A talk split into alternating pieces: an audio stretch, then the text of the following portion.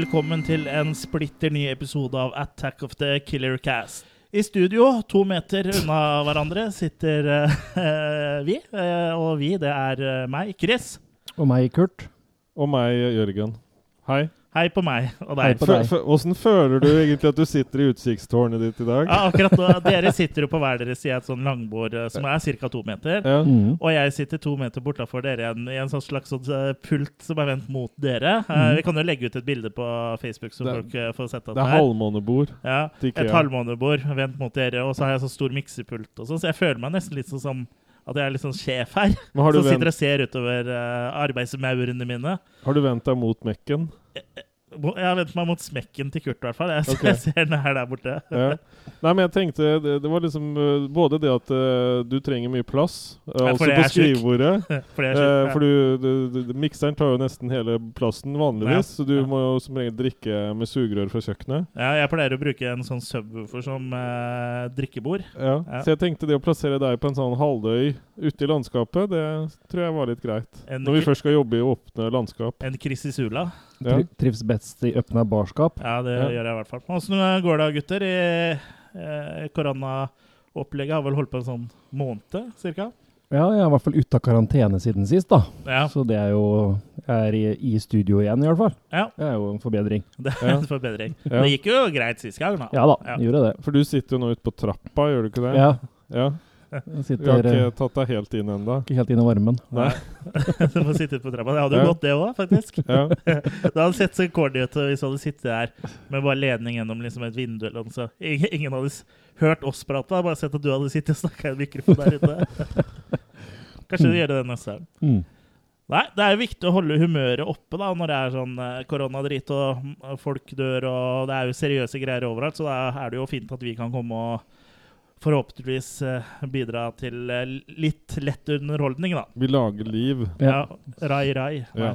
Spre litt useriøs moro i, en time eller to. Sprer beina. Ja. Uh, ja, det Ja. gjør vi også, men det er, det er jo ingen som kommer. Nei, vi sprer beina, men det er ingen som kommer. Nei riktig. Ja, mm. Hva har det da skjedd hvis ingen er der? Hvis du sprer beina og ingen er der, har du da gjort det? ja, da har du ikke spredd beina. Nei. Nei? Det er, det er jo derfor man må ha vitner når man skal gifte seg. og sånt, for det må, Hvis ikke, så eh, har det jo ikke skjedd. Er det Schrødingers ligg, det da, eller? Ja. Schrødingers skrev. Schrødingers eh, pøk. Ja, eh, vår hovedepisode Vår hovedepisode Det er jo bare én episode, men hvor, to, hvor, hvor Der fikk jeg et lite slag. Dagens tema er Stuart Gordon.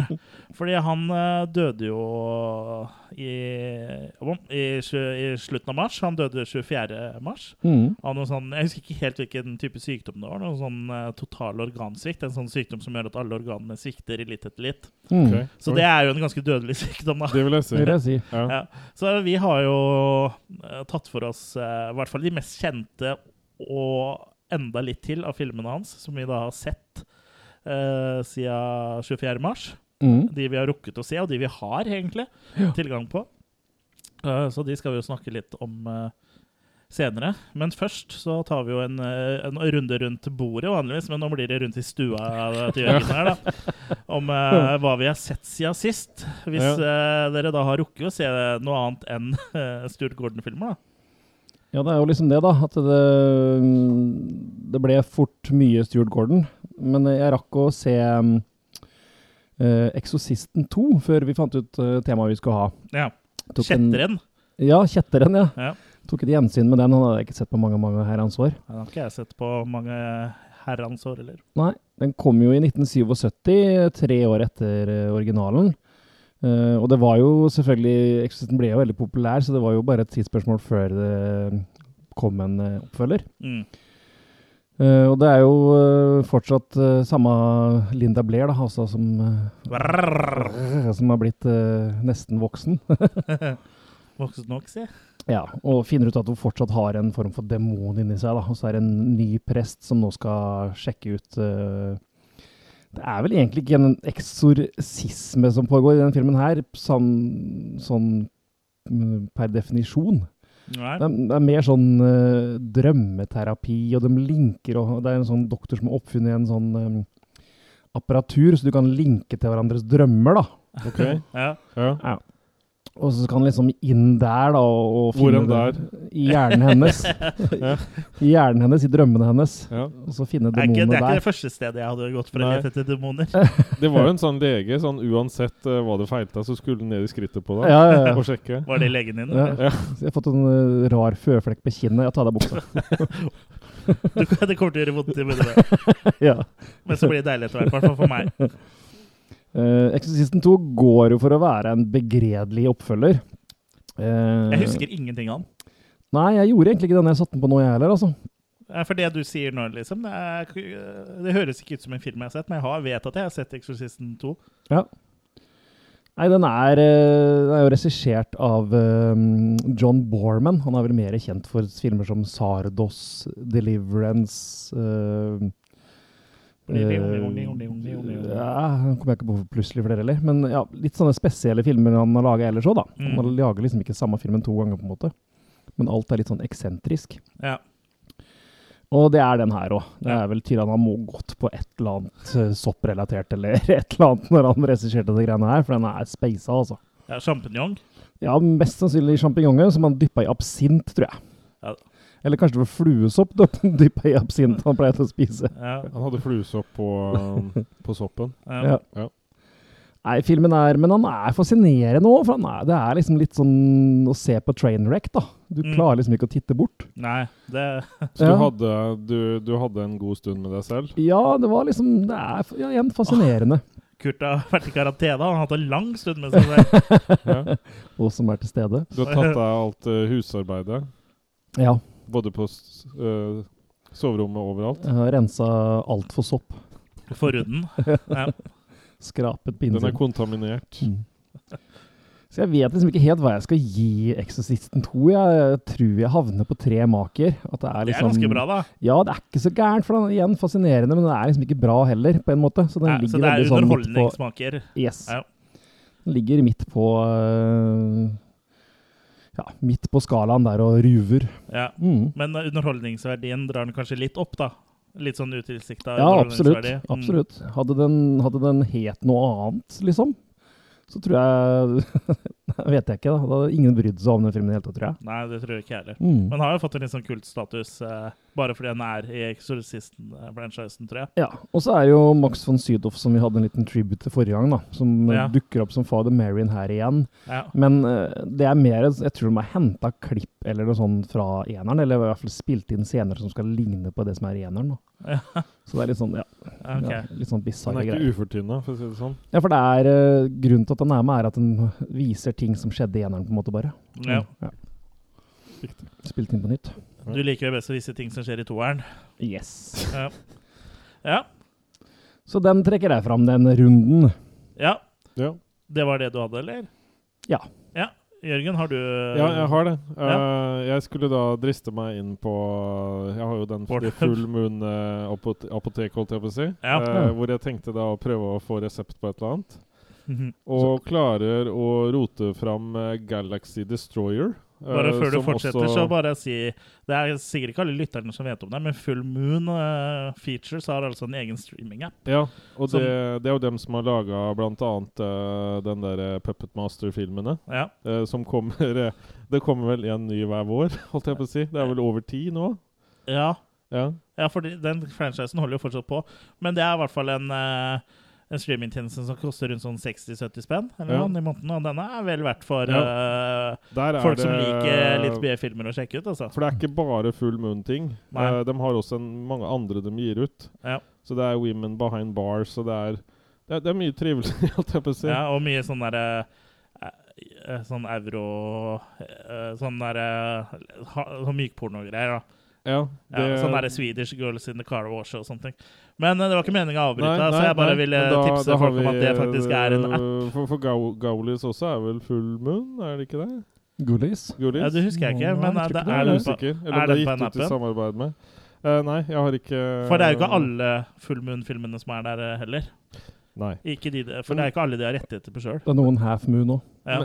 Ja, eller Mooning. Men ja, Uh, hvert fall eh, de, de, Hva het filmen? De, de har mye rart der. Og jeg begynte da på en som heter Galaxy Destroyer fra år 1986. ja, et herlig år. Og, og tenkte bare What the hell er det jeg ser på? For det her var utfordrer til Laserblast, egentlig. Sånn som jeg føler du, Chris, opplever Laserblast. Ja. Men det er i hvert fall da, til å begynne med så er det da en spion uh, som stikker av med et romskip. Han oppdager at han kan ikke styre dette romskipet. Uh, og så ser han at det kommer fullt av andre skip mot jorda, og skal da invadere jorda. Og de begynner også etter hvert å skyte på alt eh, holdt jeg på å si, som, uh, av bygninger og sånn der. Ja. Men hans skip er stilt inn på å kjøre fem år ute i verdensrommet. Så han tegner jo både nakne damer på en pute som han ligger inntil og koser, og det er ikke måte på, ikke sant? Jeg vet ikke åssen jeg hadde reagert sjøl, jeg. Så jeg, jeg kjenner, ut, Har ikke du sånn pute? Hvordan du hadde reagert sjøl. Nei, så han eh, Et det- det- pa, par måneder til i karantene nå, så Eller eh, ja. Ja, nei, så det her var bare sånn derre Og modellene og alt sånn Da tenker jeg ikke på fotomodellene. Hadde det enda vært sånn. Så, men det her, det her var på en måte litt sånn derre Hvorfor valgte jeg å begynne å se på det her? Men jeg tror det er litt sånn det vi holder på med noen ganger. At hvis vi liksom virkelig finner noe søppel, så blir vi liksom litt sånn tiltrukket av det. Det er litt sånn som egen fise, liksom. Når den lukter jævlig, så lukter den fortsatt litt godt, ikke sant? Ja, nei, men så det her var jo elendig skuespill og teite vesener. Og det er som sagt en u Jeg kunne godt tenkt meg en gang en sånn Laserblast versus Galaxy Destroyer. Eller Ja. Galaxy, som han også er kjent under. Ja, kanskje vi skal ta Double feature. Kanskje Ja. vi skal ta en uh, Groundhouse-feature på det. Jeg er åpen for å se Laserblast igjen, jeg, ja, altså. Ja. Nei, så, Yes. så Flott film. Den, den hadde ikke hva, si, hva skal jeg si for noe? Det, det var jo det var jo noe ting inni der, i den grøten. men eh, to tynne maker er det jeg kan eh, prestere å gi her, altså. Så det, det var vel omtrent som Hva skal jeg sammenligne med? Eh, hvis du skal lage Hvis du skulle lage Alien for en hundrelapp Det er vel kanskje litt sånn uh, Ja. Det er det jeg velger å si der. Chris? Ja, da var det min tur. Mm. Um, jeg har jo også rukket å sett litt. Jeg har annet sett remaken av Child's Play, som Kurt uh, snakka om i forrige episode. Ja. Bare sånn kort recap uh, for de som ikke har hørt denne episoden eller sett Child's Play. handler jo om en sånn avansert uh, dokke som heter Buddy, eh, som kan styre all elektronikk i hjemmet ditt. Da, litt sånn Google. Mm. Og så er det en på fabrikken eh, hvor de lager disse dokkene som da får sparken, som da omprogrammerer i en sånn eh, buddy-dokke eh, før han tar selvmord. Og den eh, dukka dukker jo da Dukka dukker opp da hos eh, en amerikansk gutt, selvfølgelig. Og den eh, dokka klikker jo fordi den har jo fjerna alle sånne eh, moralske sperrer, da. Mhm. Ja, og begynner da å drepe uh, folk og fe. Og Ja. jeg Fors den er forsvarer eh, vel egentlig eh, Eieren sin, ja. På en måte. må- Ja, på en litt sånn litt skrudd sånn måte. bisarr skrudd måte. ja.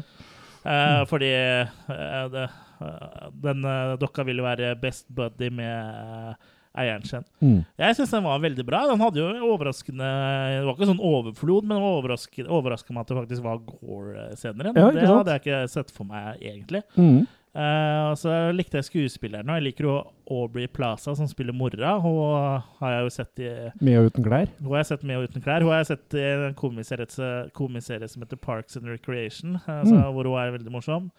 Uh, hvor hun spiller i sånn emo-skikt, da. Men jeg syns hun var veldig bra. Så syns jeg Mark Hamill var veldig bra som kjøkken, da. Ja. Hadde liksom sånn koselig stemme som etter hvert også ble sånn creepy mm. og sinister.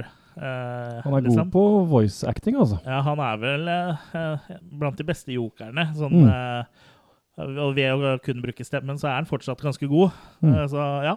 Nei, jeg syns den var eh, bra, jeg, altså. Så, for min del, som, ikke, som egentlig aldri har syntes at den første Charles Play, altså originalen, er sånn superfantastisk, så vil jeg si at den her er like god for min del. Altså. Så mm. det blir en uh, firermake uh, på Charles Play. Uh, Såpass.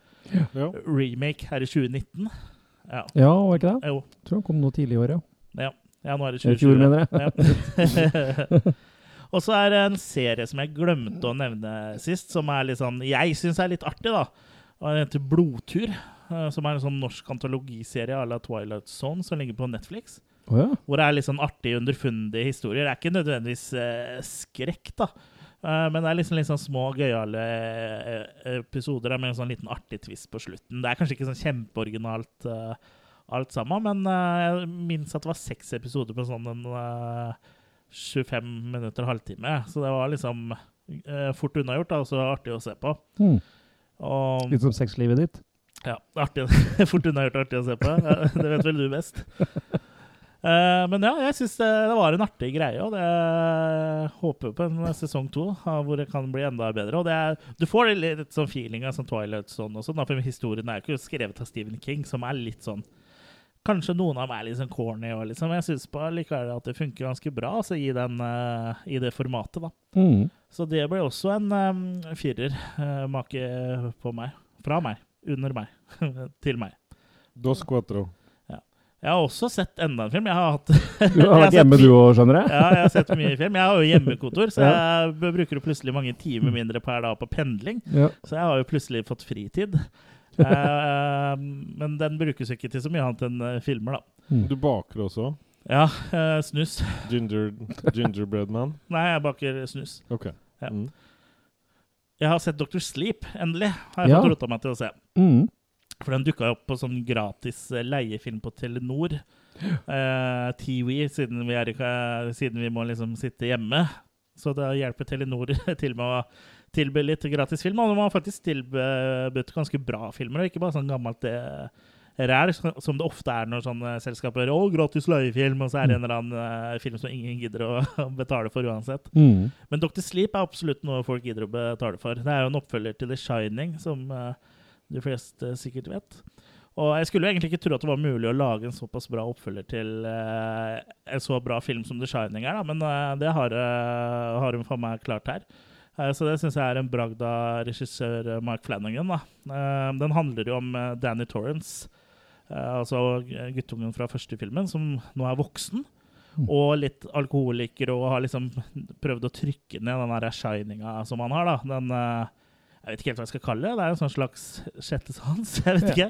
Ja, at du kan i hvert fall kommunisere eh, med andre Mm. eh, ved hjelp av telepati og eh, mange andre ting da du kan gjøre med eh, The Shining. Vi finner i hvert fall ut i den filmen her, da. Eh, men han ender jo opp da opp han ender jo da opp med at han må liksom hente fram den, den shinen eh, som han har undertrykt gjennom alle åra, fordi han må hjelpe en, en lita jente da, som en sånn gruppe med ja, shine-jaktere eh, jakter på. Fordi det er en, en gruppe med folk som reiser rundt og dreper barn, da, men eh, de passer på å torturere de eh, først, da, sånn at de får ut all den deilige shininga inni dem. Mm. Som da gjør at de eh, ja, tilsynelatende kan leve i flere hundre og til og med tusener av år. Uh, så det lager en veldig sånn Den utbroderer jo veldig på det universet som er i The Shining, da, og det blir jo egentlig en helt annen film. Ja. Men samtidig så er det, det er veldig bra, så det er helt sykt eh, bra, egentlig, syns jeg. Så ja, det her er liksom den første filmen jeg har sett på en del år nå hvor jeg føler at det er, her er en klassiker, liksom, da, som Mm. eh, blir sett om 20 år igjen. Så, og 30 år, og sånn som med The Shining. Altså, det her er makekast eh, seks for meg. Altså. Mm. Oi. Mm. Har noen av dere sett den? Du Jeg så den på kino. Ja, jeg så den på kino. Du har kanskje nevnt den i podkasten Jeg før? tror Det det. har jeg, vet du. Jeg jo sa det samme som deg, at dere syntes den var overraskende bra. Og Ja. Nei, den var bra. altså. likte liksom alle løsningene med Det høres veldig teit ut med den disse sjelespiserne og det, men, det er veldig Stephen King, da. Ja, men det funker. det funker. Og de har gjort en veldig bra greie med å gå tilbake til originalmaterialet, både fra boka The Shining, og så selvfølgelig Dr. Sleep, som er den nye boka da, nå, da. Jeg er nesten litt overraska over at de på en måte har brukt så mye når de liksom har gjenskapt scenene til The Shining. For jeg regner med at Stephen King også er ganske tungt inne i dette her. At, for for han Mm. likte jo ikke Stanley Kubrick sin The Shining. Men kanskje han på en måte har liksom kommet litt sånn aksepterte litt. ja, for han har på en måte skjønt at skal du lage en oppfølger, så må du jo på en måte Ja. ta inn med den for det er den folk kjenner. Det er jo ikke sikkert han har hatt så veldig mye med det å gjøre, men det, jeg føler jo liksom litt sånn at kanskje han Det på en måte at det er ikke så farlig lenger. Er Jeg syns i hvert fall det var øh, jævlig kult. Da. De hadde funnet ganske bra sånn øh, Det er jo noen flashbacks i filmen. Ja. Og har funnet ganske bra lookalikes og, Ja. og sånn. Og igjen bra sånn tie-in med både originalmaterialet og filmen til Kubrick. Og ja, Mm. Man klarte å lage en ordentlig, Altså, så den, ordentlig allround, allround klassiker. Ja. Mm. ja, så den anbefales på det grådeste, for å si det sånn. Mm. Da må jeg Ja. å sette den. Ja. Mm. Men uh, ta det etter podkasten, Jørgen, for eh, vi skal snakke om Stuart Gordon. Og ja, det er jo en eh, B-filmregissør. Det er vel egentlig det han er mest eh, kjent for. Han har også skrevet litt manus uh, i histen og pisten, men um, han er vel nok mest kjent som B-filmregissør. Og jeg vil nesten kanskje påstå at han uh, er en av de beste B-filmregissørene, på en måte. At han egentlig burde vippa opp til eh, A-ligaen, holdt jeg på å si. For han har en veldig sånn, god Mm. fortellerevne, syns jeg. Eh, stort sett i filmene han har. Og det er liksom Det er jo tydelig at det er lagt vekt på alle elementene i filmen, og det blir jo Skuespillet er jo alltid bra. Det er liksom alltid god regi, da. Mm. Så jeg vil jo nesten si at han er på en måte den beste B-regissøren, altså. Mm. Uh, for det er jo veldig ofte godt håndverk i de fleste tingene han lager. Mm. Sånn, eh, med, stort sett, da. Og selv om liksom eh, budsjettet er dårlig, sånn, så er det fort, har han jo fortsatt greid å lage noe som er se, sebart. da. Han var veldig Absolutt. opptatt av uh, at det skulle være underholdende, da. Og han syntes ikke at uh, kommersielt var et stygt ord, f.eks. Nei, og det er det jo ikke. Nei, og det var ikke, det var ikke nødvendigvis uh, om å gjøre å lage mest mulig artsy greier. Det skulle være kule filmer, liksom, som funka i segmentet de lå i. Med ja, horror, humor, gore, ja, you name it, liksom. Det, det skulle bare funke til det det, ja, det, det var lagd for. Ja, Det er litt artig at han syns at eh, det å være kommersiell ikke var noe problem, i og med at han, bakgrunnen hans var jo teater, og han var veldig eh, mest kjent for å drive med eksperiment... eksperiment eksperimentelt. Mm. teater. Ja. og som liksom på en måte er eh, noe av det motsatte av kommersielt igjen. da. Mm. Og han ramla egentlig inn i filmverdenen helt tilfeldig, for han uh, fikk jo en idé om å lage teaterstykke av HP Lovecrafts uh, short story Herbert West, uh, 'Reanimator'. Og ideen gikk fra teaterstykke via TV-serie til film. da. Mm. Og, og der møtte han jo Brian Houston, og de skulle jo bli et sånn tospann som lagde film sammen i mange år uh, framover. Ja, det var jo liksom regi og, og produsent og skribenter om hverandre. Ja. Han skrev jo blant annet, eller storyen, da, ikke selve screenplayet, men eh, skrev storyen på Honey I Shrunk, Your, eh, Honey I Shrunk Our Kids, Kjære jeg krympet barna, skrev de sammen. Storyen, altså, ikke eh, skriptet. Mm. Man Og- skulle regissert noe, men så ble det dårlig. For det begynte å sprute blod ut av nesa på noe sånt, jeg tror jeg skjønte. At han var så sliten. Er det I hvert fall det jeg har hørt. At han måtte trekke seg for å ta og regissere Shunk, uh, I Shunker Kids. Ja. Det er det jeg har hørt, da. Ja, hvor, hvor har du hørt det? Anne Grapewine? Ja. Nei, nei jeg har jo hørt Ja, jeg har jo ikke sånn Snakka med Brian, vår gode venn Brian Houston. da. Nei, Ja. men eh, ryktene vil ha det til, da. At Ja, han det- måtte trekke seg fordi at han ble godt, eh, dårlig. Det kan godt eh, tenkes. Altså. Ja, og akkurat der på vippen Vi snakka om det at han var veldig god BF-filmregissør, men at han eh, der kunne jo ha vippa opp og blitt Ja. mer kommersielt uh, anerkjent. Ja. For han som tok over og regisserte etter sånn jeg skjønt, den der Han er Shrunker Kids, han tok seinere og regisserte Jimanji og forskjellige sånn. Harry Potter og sånn, vel? Ja, i hvert fall det Det, det er bra, Jørgen. Nå har du gjort leksene dine. Det er, det er flott. R ryktene sier. Ja. ja. Jeg har forresten sett uh, Honey I Shrunk Kids Nei, hvorfor sier jeg your? Our. Eh, kjære, jeg krympet barna på nytt igjen. Den var ganske underholdende, den. altså. Han er Shrunker Penis. Ja, Jeg kan ikke bli mindre den. Nei, så Jeg syns jo den er veldig gøy, og jeg kan, ser jo på en måte liksom Føler jeg i hvert fall at jeg kan se litt uh, Stuart Gordon og Brian Houston i det som også havna på lerretet, da. Ja, og det, det, mye av det som var så betent mellom Disney og Stuart Gordon, var jo at uh, på en måte han ville ha det mer liksom i horrorgreia, med at de var så utsatt når de var uh, små figurer. Ja. Mens Disney var liksom sånn der Nei, det må liksom være familiefilm. Og Disney hadde lenge da gått mye vekk fra å lage familiefilmer. Mm. Og nå var de veldig forsiktige, nå som den nye sjefen i Disney var inne på banen og skulle begynne å lage ting sånn som det igjen. da For det hadde sklidd ut veldig med familiefilm og Disney. At okay. det hadde blitt veldig mye dårlige ting. Ja. Ja. Ja, jeg, føler fortsatt at uh, det var kanskje ikke Det er jo nesten Jeg føler fortsatt at Honey I Shrunk uh, Our Kids, jeg sier det riktig, er, har litt horror i seg. For det blir Mm. litt sånn og litt sånn uh, Harry Hausten-opplegg òg, når det er sånne svære maurer eh, som kryper rundt og sånn. Mm. Eh, så ja, jeg syns denne er absolutt kul, altså. Men ja, han har også skrevet manuset til The Dentist, blant annet. Ja, som Brian Som- Houston har regissert. Mm. Så eh, Men det er kanskje filmer som uh, kultklassikere som Reanimator og The Beyond. Det er vel kanskje de mest kjente, og de han blir huska for. Men vi skal jo snakke om både de og mange flere. Og vi tar jo kronologisk, så da tar vi jo og begynner eh, på starten. da, Og det er Reanimator fra 1985.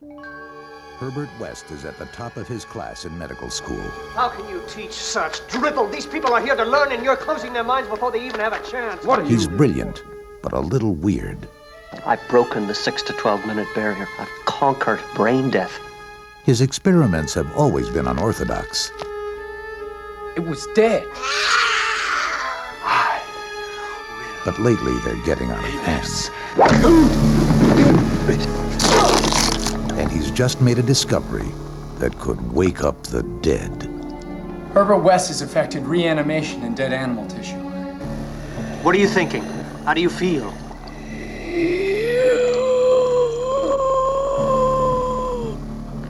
You? 15 cc's of reagent being administered. Once you wake up the dead, you've got a real mess on your hands.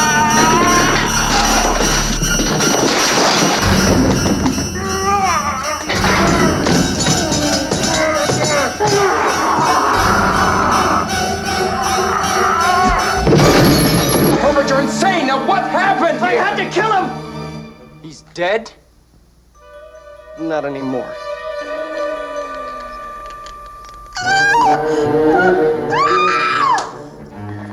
Herbert West brought a lot of dead people back to life. And not one of them showed any appreciation.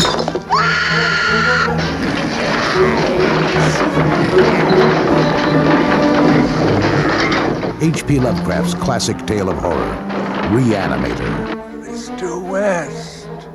You'll never get credit for my discovery. Who's going to believe a talking head get a job in a sideshow? It will scare you to pieces. Stuart Gordons regidebut debut, eh, i 1985.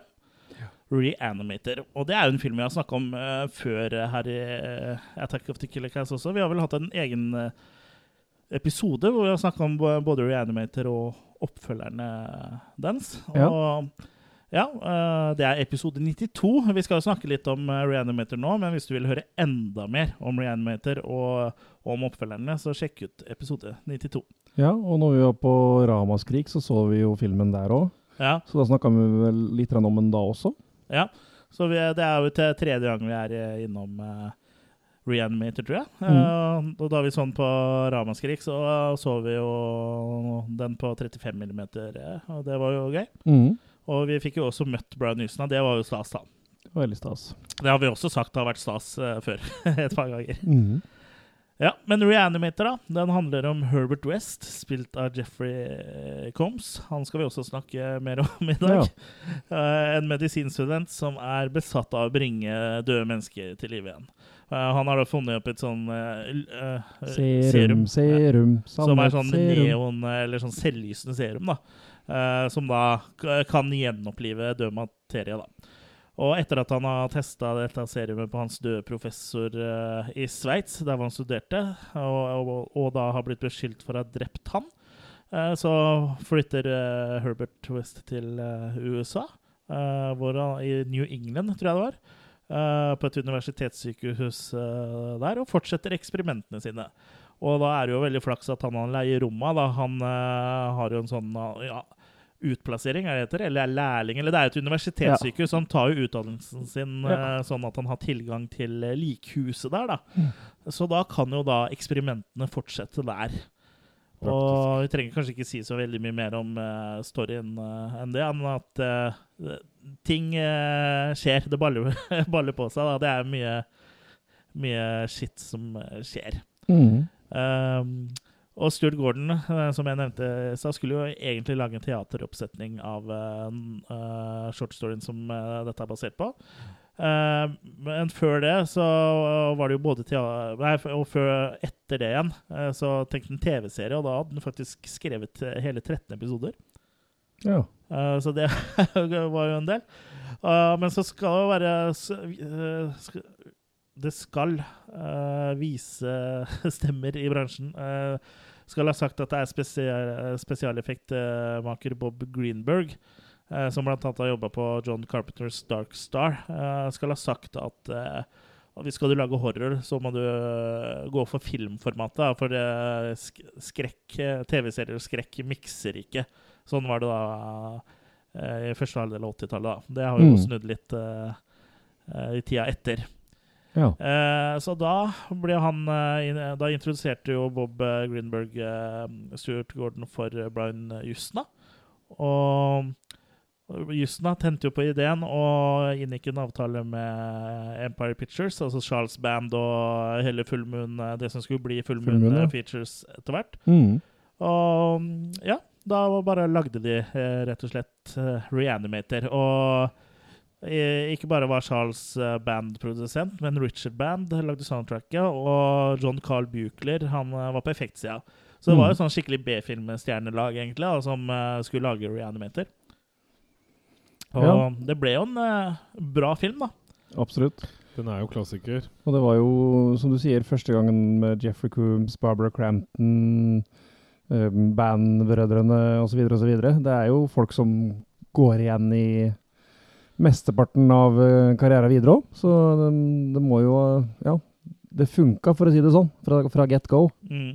Ja, jeg er veldig glad i Reanimator. Jeg synes det er en veldig kul film. Og så har jeg jo, Det tror jeg jeg har nevnt på podkasten før òg. Jeg, jeg har veldig sansen for sånn Frankenstein-esk eh, filmer. Mm. Med en gal vitenskapsmann som eh, liksom skal eh, gjenopplive eh, døde mennesker og ting, da. Mm. Uh, sånn som um, Frankenhooker er jo også en av mine favoritter. Og Frankenstein-filmen nå er jo Syns jeg er veldig bra, da.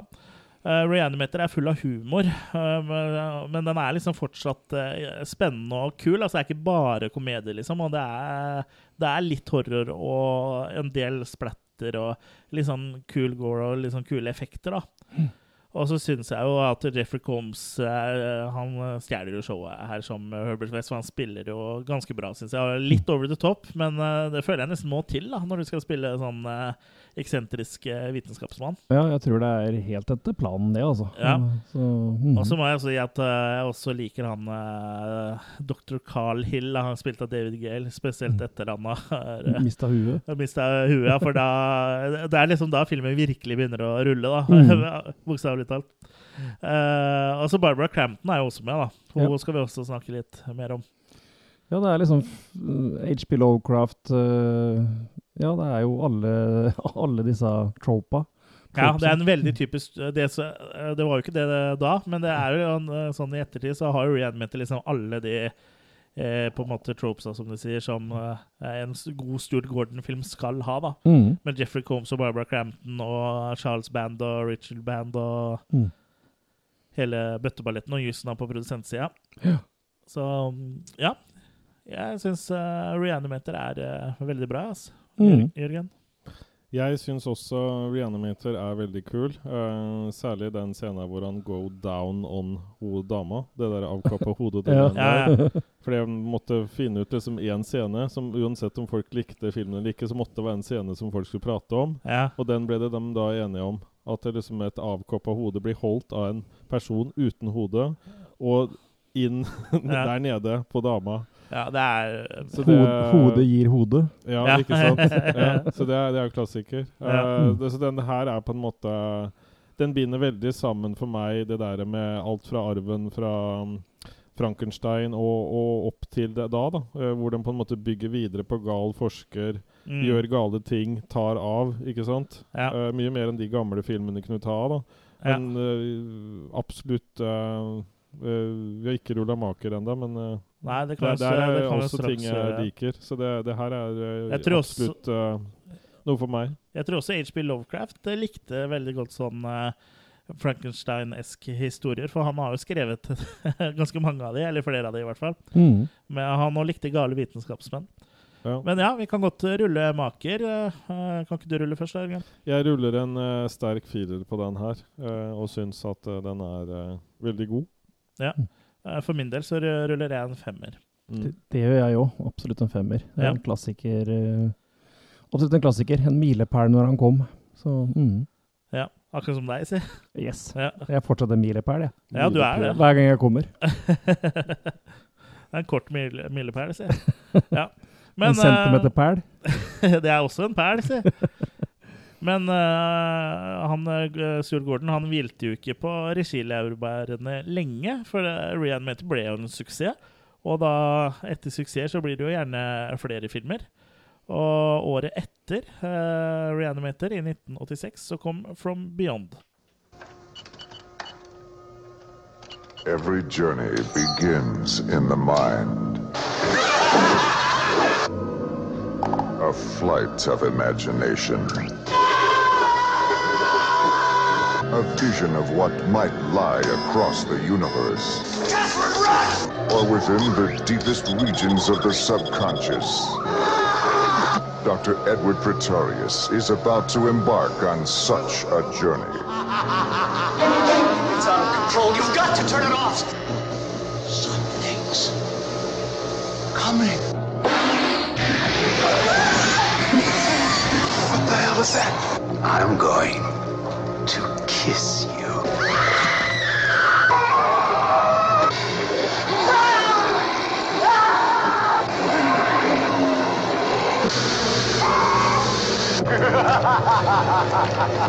oh.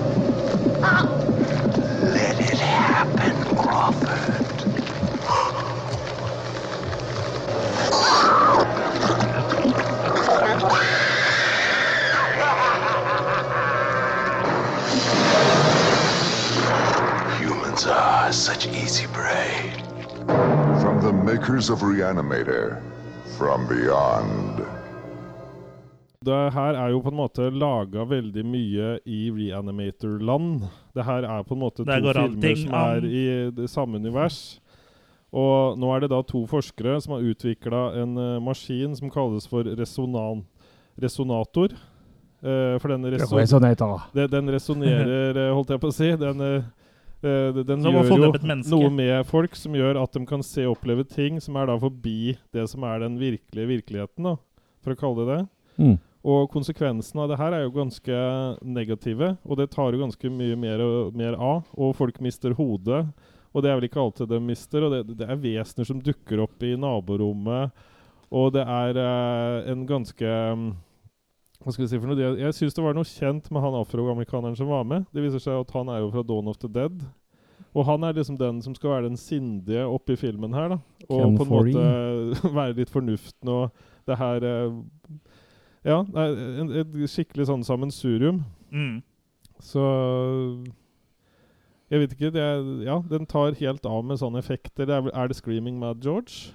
Nei, det er faktisk ikke Screaming eh, Mad eh, George, eh, for det lurte jeg på, men jeg sjekka, det var det ikke. Men Nei. effektene var veldig Screaming Mad Ja. George-esk. Og så ligner det også litt på effekten i The Thing Ja. til tider. ja, det gjør det Ja. også. Mm. Mm. Så det, det er jo på en måte I motsetning til Reanimator, som på en måte følger mer en sånn oppbygging, og som på en måte går gradvis, da, så syns jeg den her på en måte mer starter mer kanskje litt for tidlig rett inn med at uh, han bare banker på til han andre forskeren og liksom Ja, nå tror jeg jeg har klart å få det til, liksom. Ja. Jeg syns på en måte den starter altfor tidlig, i motsetning til Reanimator, som er naturlig å sammenligne med. ja, at det er, du er, jo- havner for uh, brått inn i handlinga, tenker du?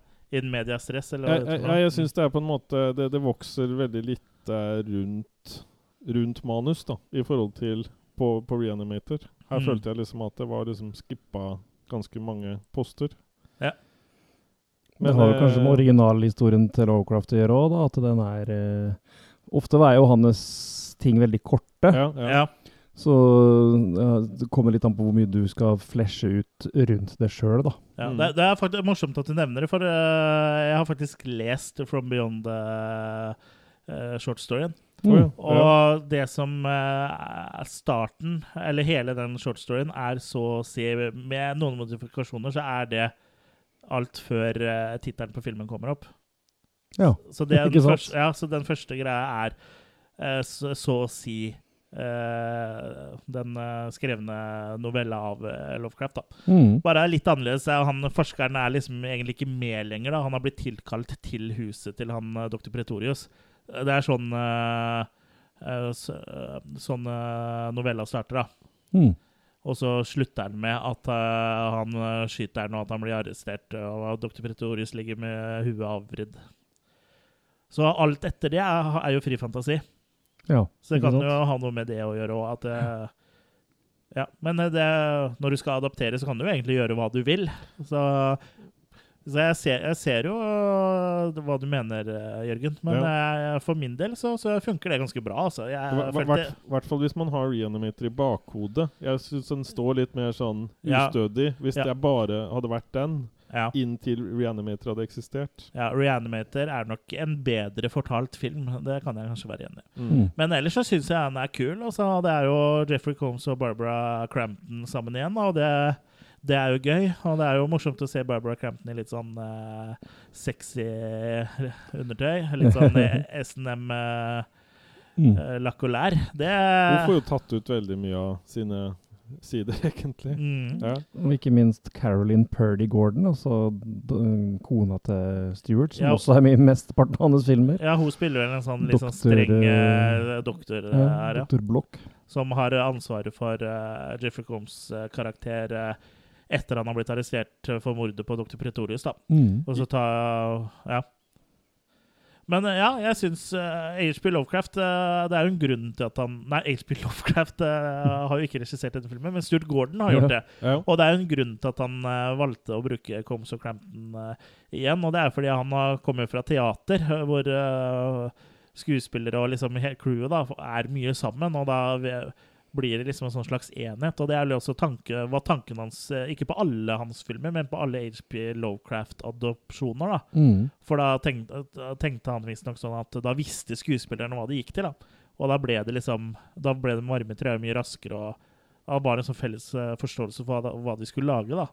Og jeg tror vel både Barbara Crampton og, og Jeffrey Combs visste hva de gikk til etter å ha vært med i Reanimator. Og, og legg merke til det at Barbara Crampton følger lojalt Stuart Gordon og stiller opp i hans filmer, men hun ble ikke med på oppfølgerne til Reanimator. Nei, Så Stuart fikk dem liksom trygt inn til brystet, holdt jeg på å si, de han fikk med seg, da. med hans bakgrunn i teater så er han jo sikkert veldig god med skuespillere, Ja. vil jeg tro. Eller var. Han uh, Ikke så bra nå. regisserer kanskje i himmelen nå. Ellers er han re reanimert. Ja, det hadde jo vært gøy. Ja. Men eh, jeg syns selve konseptet også er artig. Det er med at man kan se inn i en eh, parallell dimensjon ved å stimulere epifysen i i hjernen. Mm. Prøver det av hver kveld, gjør du ikke det? Ved hjelp av vibrasjoner. Ja, jeg har sånn Pornhub epifyse-versjon. Og han Edward Pretorius da, han er jo en ganske pervers jævel når du ser det sexrommet eller soverommet hans. da. Mm. Han har, det er liksom ja, Det er morsomt at han har et sånn sexrom i huset. Og der Mm. skulle det vært med noen scene også, tror jeg forsto, som ble tatt vekk i The Beyond, hvor han da er eh, inne og har en dame hos seg som han da har pierca eller sånn i tunga, og som ja. lider av det. Jeg mener Ja. det er tatt vekk. For han, han, han sa at han lærte seinere å ikke begynne å ta vekk ting før han skulle få det rata. For han hadde jo Han fikk jo nærmest kjeft Ja. på, på den filmen her. Det der når han uh, på slutten b- biter ut øyet og det der. Eh, Ja. Så på en måte ble det nærmest akkurat som han kom inn til rektor, på en måte. Og hun ene dama som skulle snakke med liksom 'Åssen kunne du tillate deg det her?' Og så zoomer du inn! Hva tenkte du på?! Ja. Så det, han bare beklaga, da. Så Ja. det, det var litt sånn morsomt. da. Jeg syns monstereffektene som vi var inne på litt her, de er veldig kule. Minner jo om Screaming Mad George-effekter. og det er, Det er jo jo Buesler her òg. Ja, det er Buchler òg, men det er liksom sånn det med sånn uh, at uh, menneskekroppen blir sånn forvridd og liksom sånn smelter, liksom bodymelting uh, nesten. Det er, jeg jeg syns det er kult, altså. Ja, ja. Uh, den uh, Og så er, det- er det en del visuelle effekter der òg, ikke bare praktiske, liksom. Ja, men så, ja, sånn effekter som gjør det, eh, uh, ja. Med sånn åler, nesten, som Ja. svever i, i en um, parallell dimensjon. Mm. Men de kunne tatt det mye lenger. Det virker som de er på en måte lost til å måtte nesten bare være inne i det huset. Ja. Og det er jo på en måte Nå gikk jo det her enda verre. Det er så lett nå å sammenligne med oppfølgerne til Reanimator. I den siste Ja. så foregår det jo bare i et fengsel. Ja. Det skjer Det jo ikke noe annet. det er jo budsjett, ikke sant? ja, ja, så det er så synd at The Beyond ikke hadde mer budsjett. da og From kunne på Beyond. måte From Beyond. From, Ja. beyond, from behind. Ja. Ja. Og så tror jeg også litt av meninga er at handlinga skal foregå i huset til en gal vitenskapsmann. Da, for det er en sånn uh, resonator som får et sånn begrensa felt den virker i, som begrenser seg til en sånn til det huset omtrent. da. Ja. Og etter hvert så tenner han jo på seg sjøl også, Ja. og setter i gang. Det, det er det jeg skal gjøre etter denne episoden jeg har spilt inn. Ja. Tenne på meg sjøl og sette Ja. eh, i gang. Og resonnere. Mm. Ja. Eh, Jeg syns det er kult at Ken Foree fra Don of the Dead er med. Han er jo alltid kul, syns jeg. Og han er jo, som du sier, eh, Jørgen, en sånn eh, um, eh, Ja, eh, stemme Blikk, blikkfang. Blikkfang. og- Men han er også på en måte Åh, hva er ordet jeg leter etter? da? Den eh, som prøver å liksom se på det eh, fra et uh, normalt ståsted. da, For de andre mister hodet litt her, eh, bokstavelig. Mm. Både Dr. Pretorius, men også de andre. Mm. Og spesielt karakteren til Dr. Crampton blir jo liksom blir jo litt sånn hekta på å kunne se inn i det andre universet her, da. Mm. Ja, ja, og så blir de kåta. Ja, for det er en sånn seksuell stimulering som også skjer når du da ser uh, brukeren sansen og ser eh, i- inn, eh, into the beyond. Mm. Eh, ja. eh, jeg syns den her er eh, veldig kul. Jeg syns også den short storyen eh, faktisk er ganske kul, og den er den er ikke lange greier, altså, så den anbefaler jeg egentlig bare alle å, alle å lese. Jeg hadde egentlig tenkt å lese litt mer, men så har jeg ikke jeg har flere stories, men så har jeg ikke rukket det. Lydboka. Eh, jeg har heller ikke hatt tid til det, men uh, det er jo korte lydbøker, da, antageligvis.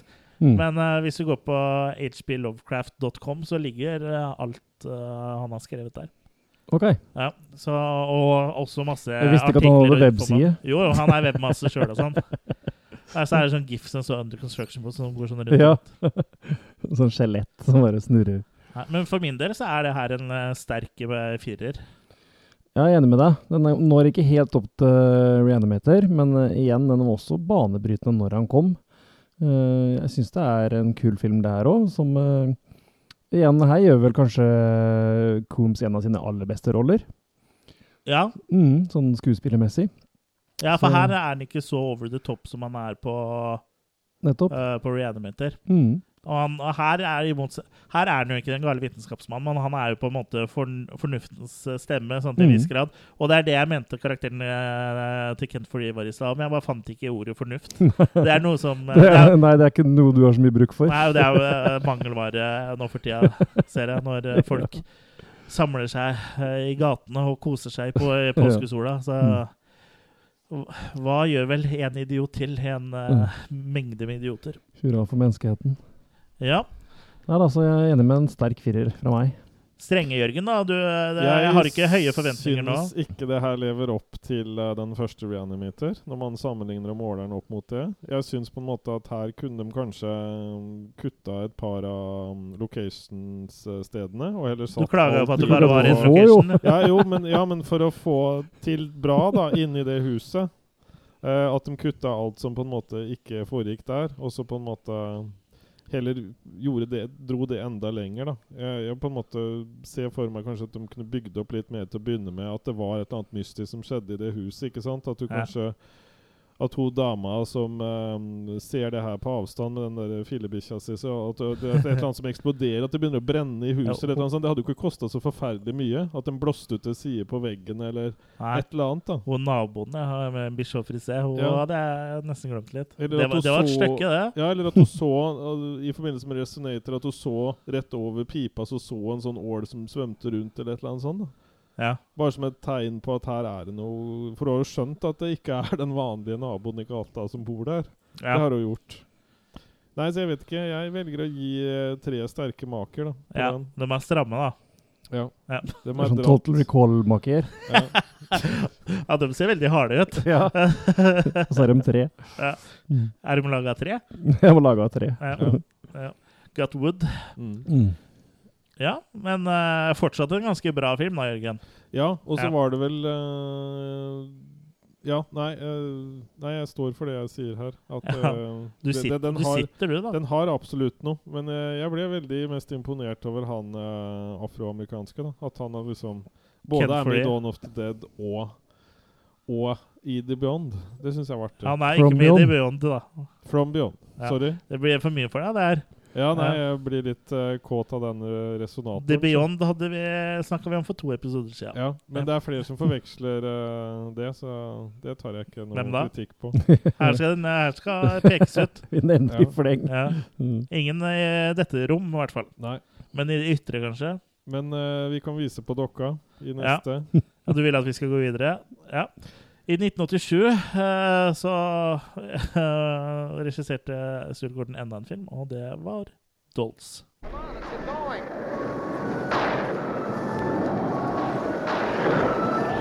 It looked like a safe haven from the raging storm.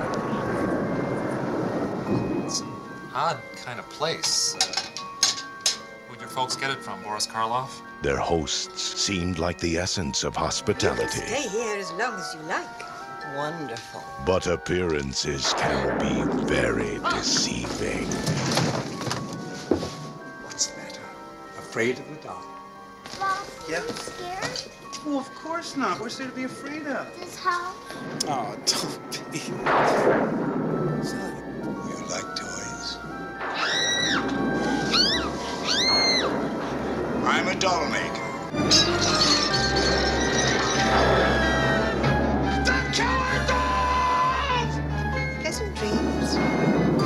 Dolls. You're never too old to play with dolls. Until you're dead. Dolls.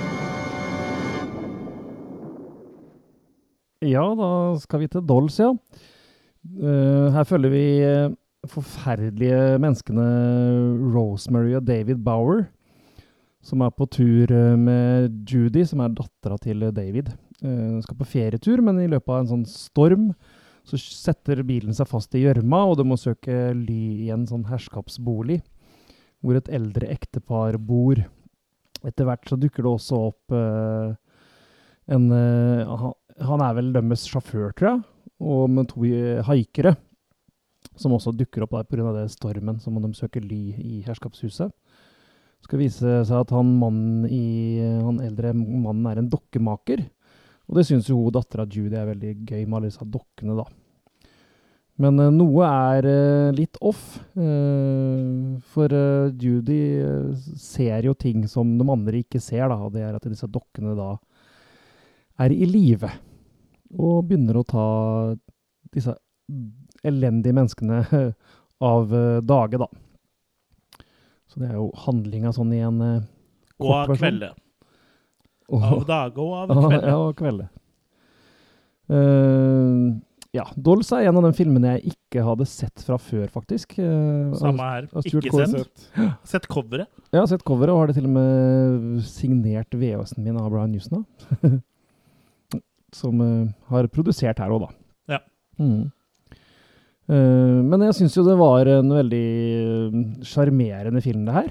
Den, den Killer Dolls er jo sånn egen sjanger som egentlig kanskje fikk mest uh, blest når Child's Play kom. Mm. Men Dolls er jo faktisk eldre enn Child's Play. Han Ja. kom jo Mm. året før Child's Play. Mm. Det fins eldre Killer Doll-filmer òg, liksom. Men, Når er eh, det Puppet Master kom? Det husker jeg ikke. Nei, Jeg husker ikke når den første kom, men jeg vil tro nesten den kom etter det her igjen. Jeg tror det. Ja. Kan tenke meg den kom nesten samtidig med Charles Play, ja, ish. Uh, ja. eh, det er ikke så mye det er, Vi er jo igjen på én location i hele filmen her òg, selv om det er uh, kjeller, uh, soverom og, og loft, men uh, Men her funker det litt mer. ja. Og Samtidig så føles det litt ut som budsjettet er litt lavere, for det er litt mer cheesy enn det har vært de to foregående filmene. Ja. Men det funker også. Det føles som en litt lang episode av en sånn antologiserie à la Twilight Zone eller Ja, eh. Tales from the Crypt. Og det er ikke negativt for min del, for jeg liker sånn antologigreier. Mm. Så for meg så funker dette ganske bra. Jeg føler jo at det er sånn som Puppet Master skulle ha vært. I hvert fall første filmen. Mm. Ja, Det det er jeg enig. i. For ja. den første Puppet Master er litt svak, altså. Mm. Ikke, bare, ikke den svakeste serien, det er den ikke. Og dere jenta her og Judy òg er jo ja, på grensa til en litt sånn annoying innimellom, men uh, Så skuespillet er vel heller ikke det beste akkurat i denne filmen her. Sånn, uh, Nei, det er derfor jeg også får den litt antologi-feelinga. For det Ja. var det jo ofte før, eh, spesielt på TV-serier før, så var det jo ofte litt lavere budsjett og litt uh, dårligere skuespillere. Det var liksom De som drev med TV, var jo ikke uh, like bra som de som drev med film, ikke sant? Mm. Uh, men jeg syns det har sin sjarm. Jeg syns egentlig det funker ganske bra her. Ja, det er jo igjen John Carl Bykler, Bysler som har laga effekten her, og jeg syns når, når dokkene kommer til live, syns jeg faktisk funker veldig bra her. Ja, dokkene er liksom uh, Har en sånn perfekt blanding av uh, cheesy, morsomme, søte og creepy. Ja. Så man har liksom en sånn hårfin balanse at, det liksom, at det funker eh, akkurat, da. Så når de endrer ansiktsuttrykk eh, inn på rommet til disse to eh, haikerne og sånn, eh, Ja, ja. hvor den ene forsvinner og andre blir igjen Ja. ja, det er ganske morsomt. De to haikerne, da lurer på hvor de kom fra, for de snakker jo sånn der skikkelig Britisk, ja. Ja, og sånn Merkelig der uh, eh, Hva heter den aksenten? Sånn eh, Ja, sånn fake engelsk, på en måte. Sånn uh, Oi, wha- what you doing there? Sånn der, uh, Cockney? Ja, cockney. Her, er, Mm. leter. Cockney. Ja, det leter jeg også etter. ja, de, de, Du får ikke mer 80s-looking enn de to damene der, iallfall. Nei, det var mye 80, altså. ja. Uh, men jeg syns jo den er ganske kul. Jeg syns jo også at eh, slutten på filmen eh, egentlig Eller twisten, liksom. Men det er, er egentlig det morsomste der. Ja. Liten spoiler-alert. eh, første gang jeg husker på å si det. Mm. Uh, hopp 30 sekunder fram hvis du ikke vil høre, spoiler, uh, høre slutten. Mm. Uh, men det, det at alle dokkene er jo til folk som har kjørt seg fast utenfor huset, syns jeg er litt gøy, da. Ja.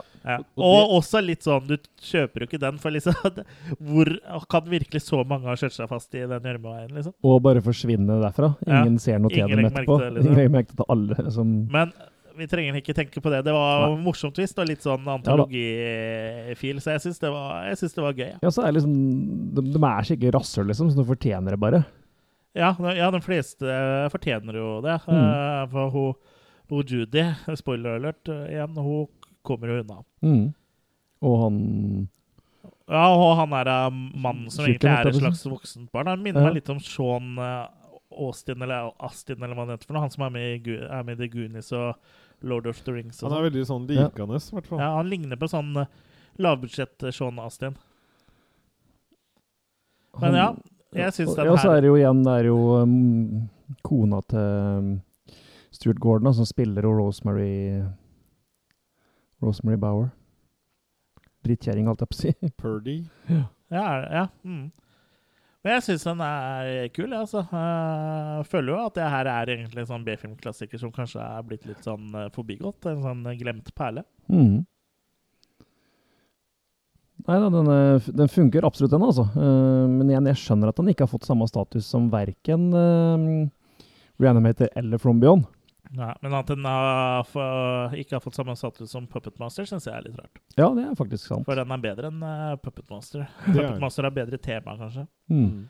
Men det blir vel litt å jeg håper å si krangla med sine egne, på en måte. Det er jo full moon som Ja, ja, absolutt. Det, Full Moon er uten tvil uh, Mm. dokkehorror-sjefene, Ja, for å si det burde du lært mer av Mm. den her, tenker ja, jeg. Ja. Mm.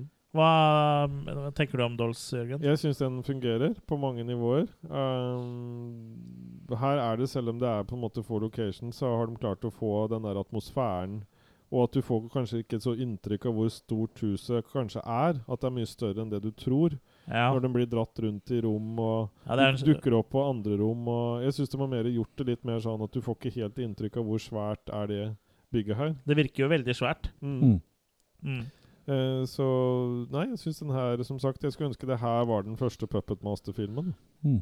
Og den liker jeg jo, den første Puppet Master-filmen. Så jeg liker jo definitivt den her, da. Ja, rull make, du. Jeg gir fire mellomsterke maker.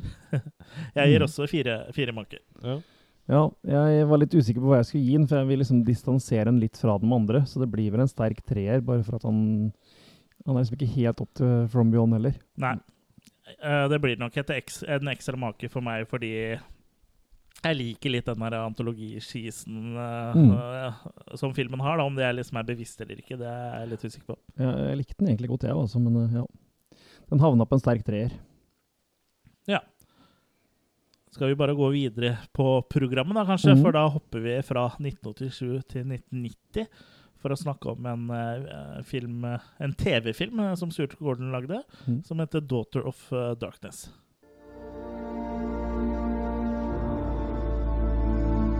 A world she didn't understand. Why else would a young lady from Chicago want to come to Romania? Maybe to find someone. A father she never knew. Be careful. Everybody should be very careful in a country like this. Catherine has come looking for the truth. Something weird's been happening to me. I've been having these dreams. And somewhere in between her dreams, The places in my dreams, they're real. They're here. I'm I'm a diplomat. I'm not a psychiatrist. I'm scared. What was that name? Cyprian? Who are they? She knows my father's family. Vampires. the truth became all too real. Called by the past.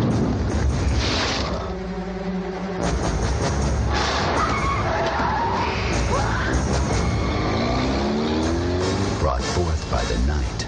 Our children will roam the earth by night and day. It's your birthright. Accept who you are.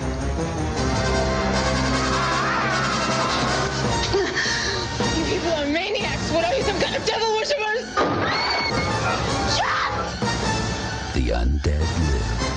Vidmark Entertainment presents Mia Sarah, Daughter of Darkness. Ja, da var det altså 'Daughter of Darkness', ja. TV-film fra 1990. Mia Sarah, som er mest kjent fra Legend, vel. Og Anthony Perkins fra Psycho, som har hovedrollen her. Var hun ikke med i Timecop også? Jo, det er mulig at hun var senere, ja. Kona til sjefen. Ja. Timecop er en klassiker. Her møter vi da Mia Sara som Catherine, som reiser til Romania for å finne faren som hun aldri har møtt. Men det skal vise seg at det lurer farer på hvert hjørne. Og morer. Og morer. Det er sånn Radioresepsjon-humor. Beklager den. Men Radioresepsjonen er ikke på for tida, så da kan jo vi stjele litt. Da stjeler vi ja. uhemma. Farer og horer. Farer og horer på hvert hjørne. Ja. Når hun søker etter sannheten om farens død, da. Eller mangel på sannhet, Ja. egentlig. Uh, The lack of truth. Ja, for det skal da vise seg at uh, faren uh, er rett og slett vampyrleder. Og det Det hørtes ut liksom som det var sånn idrettslag. Nei, ja, det, ja, men det er litt sånn, liksom, Ja. litt sånn frimurersstuk på dette greiene her. Ja. Eh, Han møtes på Løkka hver søndag. Han er vel en sånn slags ja. vampyr eh, Han er vel en slags Dracula uten uh, å drive med copyright infringement. Ja. En sånn prins uh, Bastia Jeg husker ikke helt hva det var. jeg. Ja, og så er det jo en annen en som prøver å ta over tronen, på en måte, da. Så det er litt sånn Mm. intern strid. Mm. Og når Catherine møter opp da, så vil jo denne sekta bruke henne til å på en måte videreføre um, blodlinja, eller hva du skal kalle det. da. Ja, siden hun er en sånn halvt uh, vampyr og Ja. drar ut litt på ene benet. Neida. Hun, er, eh, hun er en eh, hybrid, da. Hun er Blade. Ja, ja ikke sant? Ja. Eh, Daywalker. Hun kan gå i sola. Det er jo det uh, han eh, som skal ta over, ønsker at også de kan gjøre. da. Ja, at barna skal kunne gjøre det, ja. Mm. For at det, det er, de har noe sånn vampyrtropes her, og at de ikke kan være ute i dagslys, og Ja. noen av dem sover i kister. og... Men uh, det eneste som er en liten twist, da, at de, ja, de suger blod sånn som vi er vant til, men de har ikke sånne hoggtenner. De har bare små tenner på tuppen av uh, tunga. Ja. Det er nesten det eneste i den filmen her som jeg føler er litt Stuart Gordon, er Ja. den der eh, tunga med tenner. Ja. Ja. Så, og så minner det meg litt om Kung Pao. Ja. Ja, ja, ja, ja. Ja. Og, og det er jo handling i Romania. Så tenkte jeg, Åssen i all verden har de ordna i Romania? For der er jo midt i kalde krigen og sånn. Men han er jo selvfølgelig spilt inn der. Og spilt inn i nabolandet. Ja. Tsjekkia, eller hva det var for noe. Ja, et eller annet. Gamle Jugoslavia, eller et eller annet sånt. et eller annet. Ja. Men det er klart du må jo til Romania for å finne vampyrer. Det sier seg jo sjøl. Ja, de er jo til og med i Transylvania i filmen, da. Ja. Uh, så det er litt sånn artig at de bygger på en sånn gammel uh, law, syns jeg, og at Ja. de prøver seg på det. Men det, det bærer For min del så bærer litt for mye preg av å være en TV-film. Ja. Altså, for den er litt uh, treg, den her. Og vi har snakka om Eller du har snakka om før at du syns Stuart Gordon gjør mye ut av skuespillerne sine. Ja, her, og her eh, gjør han ikke det, altså. Her- Dette er vel unntaket som bekrefter regelen. Her tror jeg de har gått for lut og kaldt vann og fått lov til å gjøre akkurat det de sjøl føler for. Ja. Anthony Perkins har vel til tider eh, litt koll på det han driver med, bare å være seg sjøl sikkert, men eh, Men er uh, Anthony Perkins Er han egentlig en god skuespiller, eller spiller han bare samme rollen eh, i ja, det, alle er- ja, det er det jeg lurer på. Om han bare er seg sjøl i alt han Ja, gjør. for jeg tror ikke Jeg føler ikke at han er noen god skuespiller, men han har spilt Nei. i Psycho.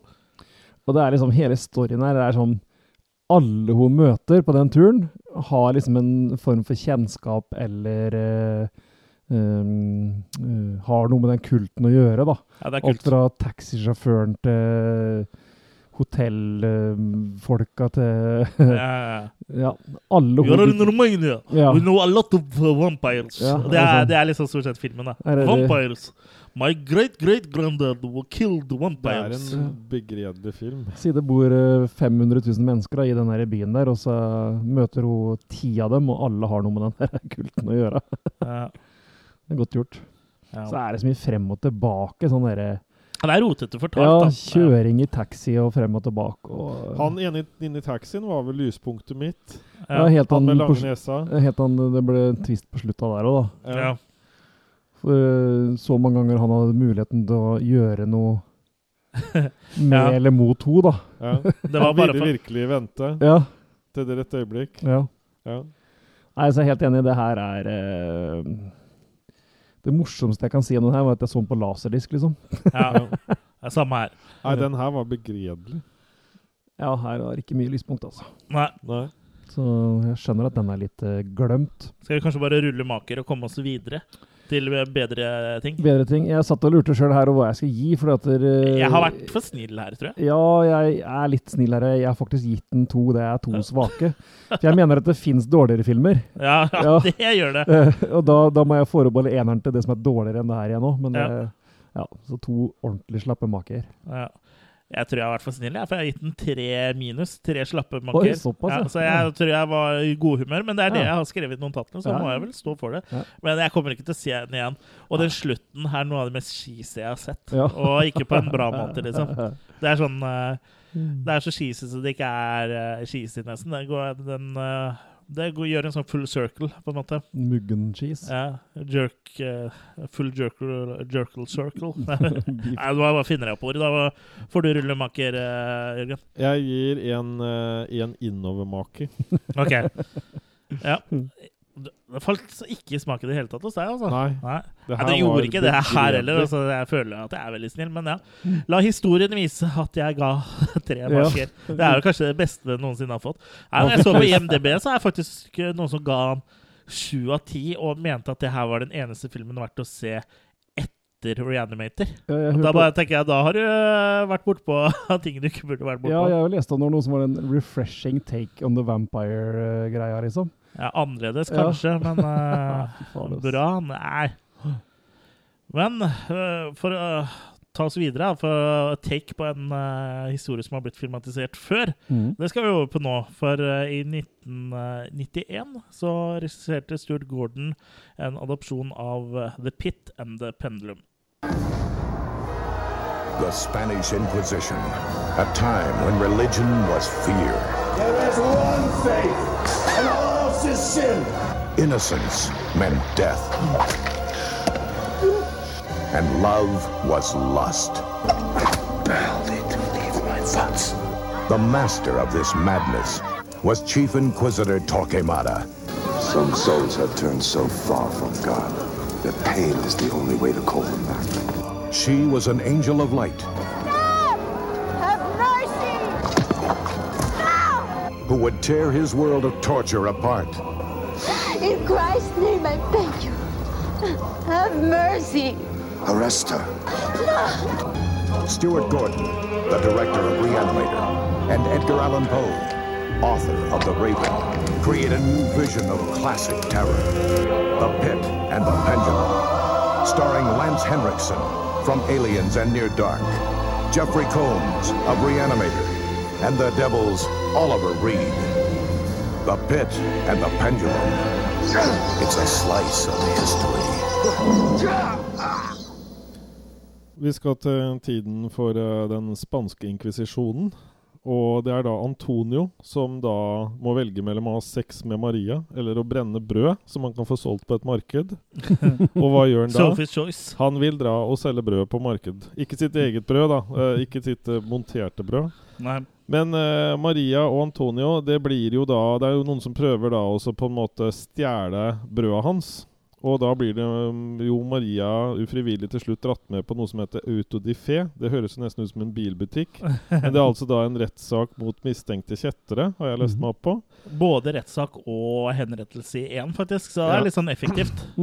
Ja. Nei, så det var jo på en måte det å på en måte Ja, og å gjøre dem små i andres øyne. Eh, Men i hvert fall Maria hun klikker i vinkel på det her, og hun er jo på en måte Hva skal vi si for noe? Hun er jo på en måte en sart sjel, og på en måte Hun blir jo da snappa opp veldig fort av uh, Lance uh, Henriksen, som spiller da Torquemada. Han tenker eh, Han blir vel litt sånn kåt med en gang han ser henne, og liksom tenker at uh, hun der sier vi er en heks, så får jeg henne kanskje med opp på rommet mitt. Ja, og det er jo ikke bare det òg, men eh, hun er jo en heks fordi hun får han til å føle sånne ting. Tror du at han fikk ereksjon? Ja, det tror jeg. Mm. Eh, så hun blir jo fengsla, eh, og Antonio må prøve å redde henne. Ja. ja, så enkelt eh, kan det jo sies. Det det er jo en det her er tor torture porn. Ja. Det er jo en Mhm. adopsjon av The Pit and the Pendulum av eh, Edgar Allan Poe. Jeg er litt usikker på om boka heter det òg, men den gjør vel det.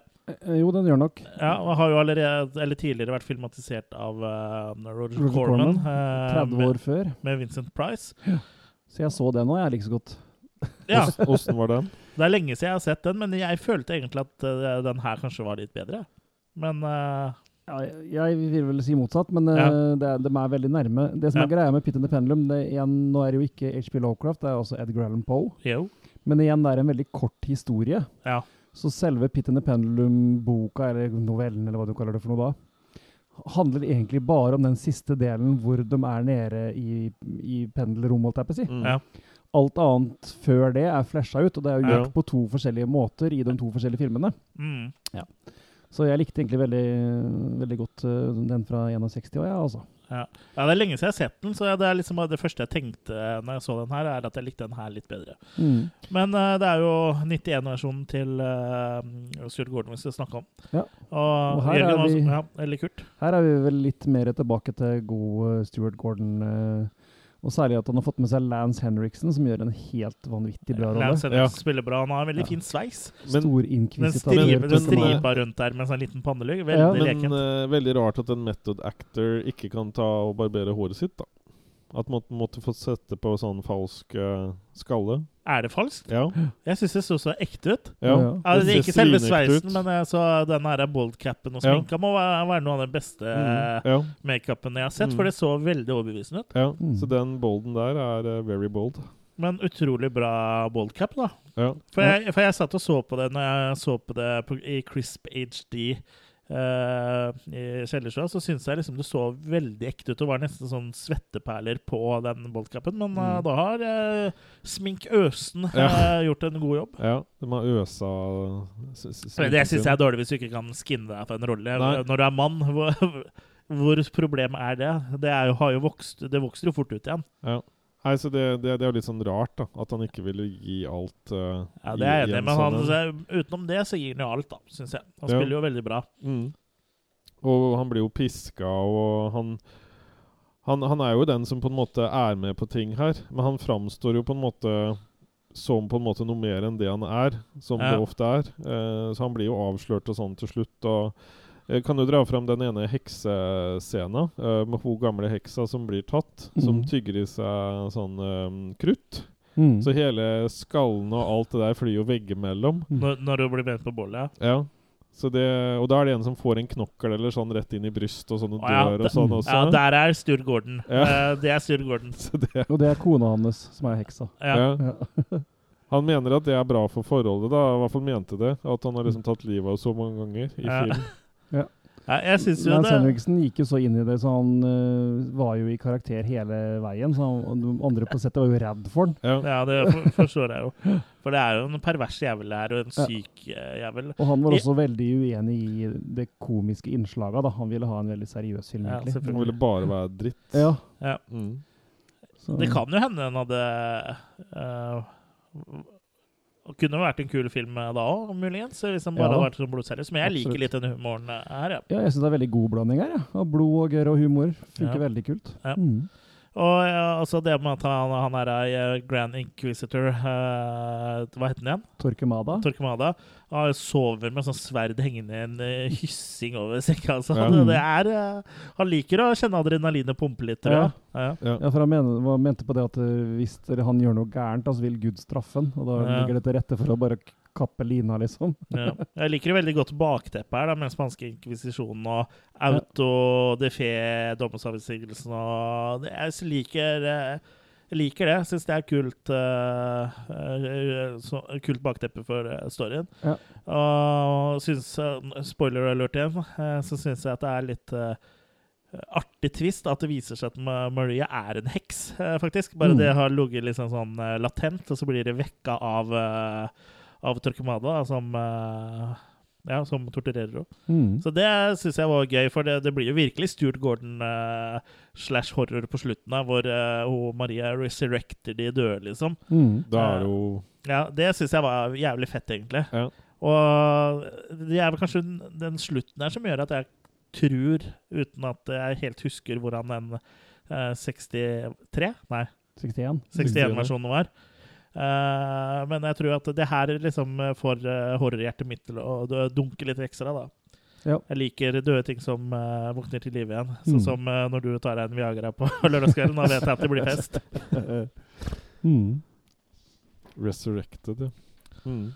Ja. Nei, men absolutt uh, kanskje en av de mer sterkere i tillegg til uh, Reanimator, da. Ja, og så er det litt annerledes da, i forhold til Reanimator og From Beyond. Og, altså, nå, han viser Mm. seg at han lager jo litt forskjellige sjangere her, men Mm. jeg syns vel kanskje sånn From Beyond og Reanimator, den type film, er eh, der hvor han kanskje skinner uh, sterkest. Ja. Lovecraft istedenfor Poe. Ja, jeg tror Mm. han er bedre på Lovecraft, altså kanskje uh, Han kan Lovecraft, uh, syns jeg. Men her har du igjen den lojale Jeffrey Combs, da, som på en måte er med, selv om han nesten ikke har replikker og nesten ja, ikke er ja, vi, må, vi, kan, vi kan ikke gå videre uten å snakke om Jeffrey Combs. Han har jo en fantastisk parykk og dritkule Mm. briller. Da. Mm. Og han nå viser at han er en allsidig skuespiller. Han kan spille en sånn ganske streit uh, sekretær, jeg vet ikke hva han kaller det. Han går rundt og skriver eh, en sånn bok. Han er vel en sakfører, nærmest. Ja. For han beklager jo det at de ikke liksom fikk til alle detaljene i saken og alt det der. Da, Ja. Før vi liksom brenner her. Beklager, men Ja. vi fikk ikke Ja. komme med alle tinga nå. Ja.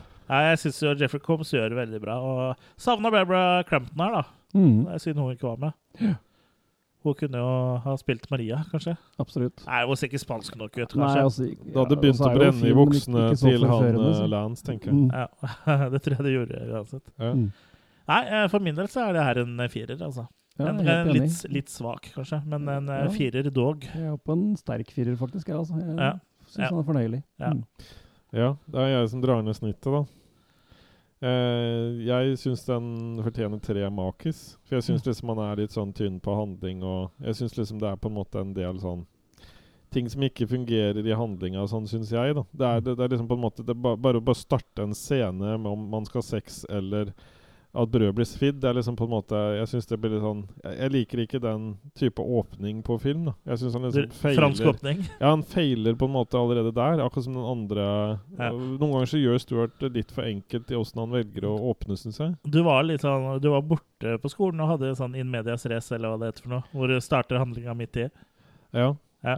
Nei, altså, jeg ser hva du mener. Det, det, er, ikke, det, er noe, det er ikke noe problem å begynne midt i handlinga. For det gjør jo mange filmskaper, men at det kanskje kommer, er litt brått, akkurat den, brå den starten her, det kan jeg være enig i. jo, men jeg den har liksom noe. ikke noe oppbygging, ingenting. Eh, Den har det- jo det. Den forteller jo om dem to som et veldig forelska par som er fattige og lever av den brøda og Ja. må på torget for å Du også lever av brødet brødfø seg.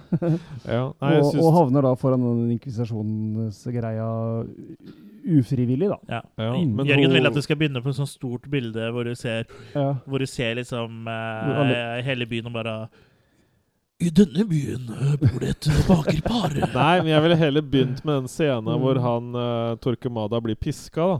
Det hadde vært en litt sånn tøff begynnelse på den her, Ja. syns jeg. Ja. Siden det er torture porn. Ja, Det er det vel ikke. Da er det meget svakt, i så fall. Det er på torture porn for uh, Torture dummies. porn light. Ja, Nei, men uh, du trakk snittet litt ned. Mm. Uh, kanskje du liker neste film bedre, for vi beveger oss uh, fra, fra uh, den spanske inkvisisjonen til den dystre framtid. Vi skal helt til 2017. Altså Filmen kom i 1992, men handlinga er 2017. Vi snakker om Fortress. In the year 2017, one corporation is building a fortress for the ultimate takeover. You are the property of the Mintel Corporation. You will be programmed. What are you? The Mentel Corporation has transformed me into a more efficient human being. They will monitor your behavior. The law is clear. One child per woman. They will control your thoughts. Been in there for three days. and No one has ever lasted four. They will invade your dreams. This is an unauthorized thought process. Now, one man will challenge the system. You are nothing. Let's find out. We're going through the construction area here.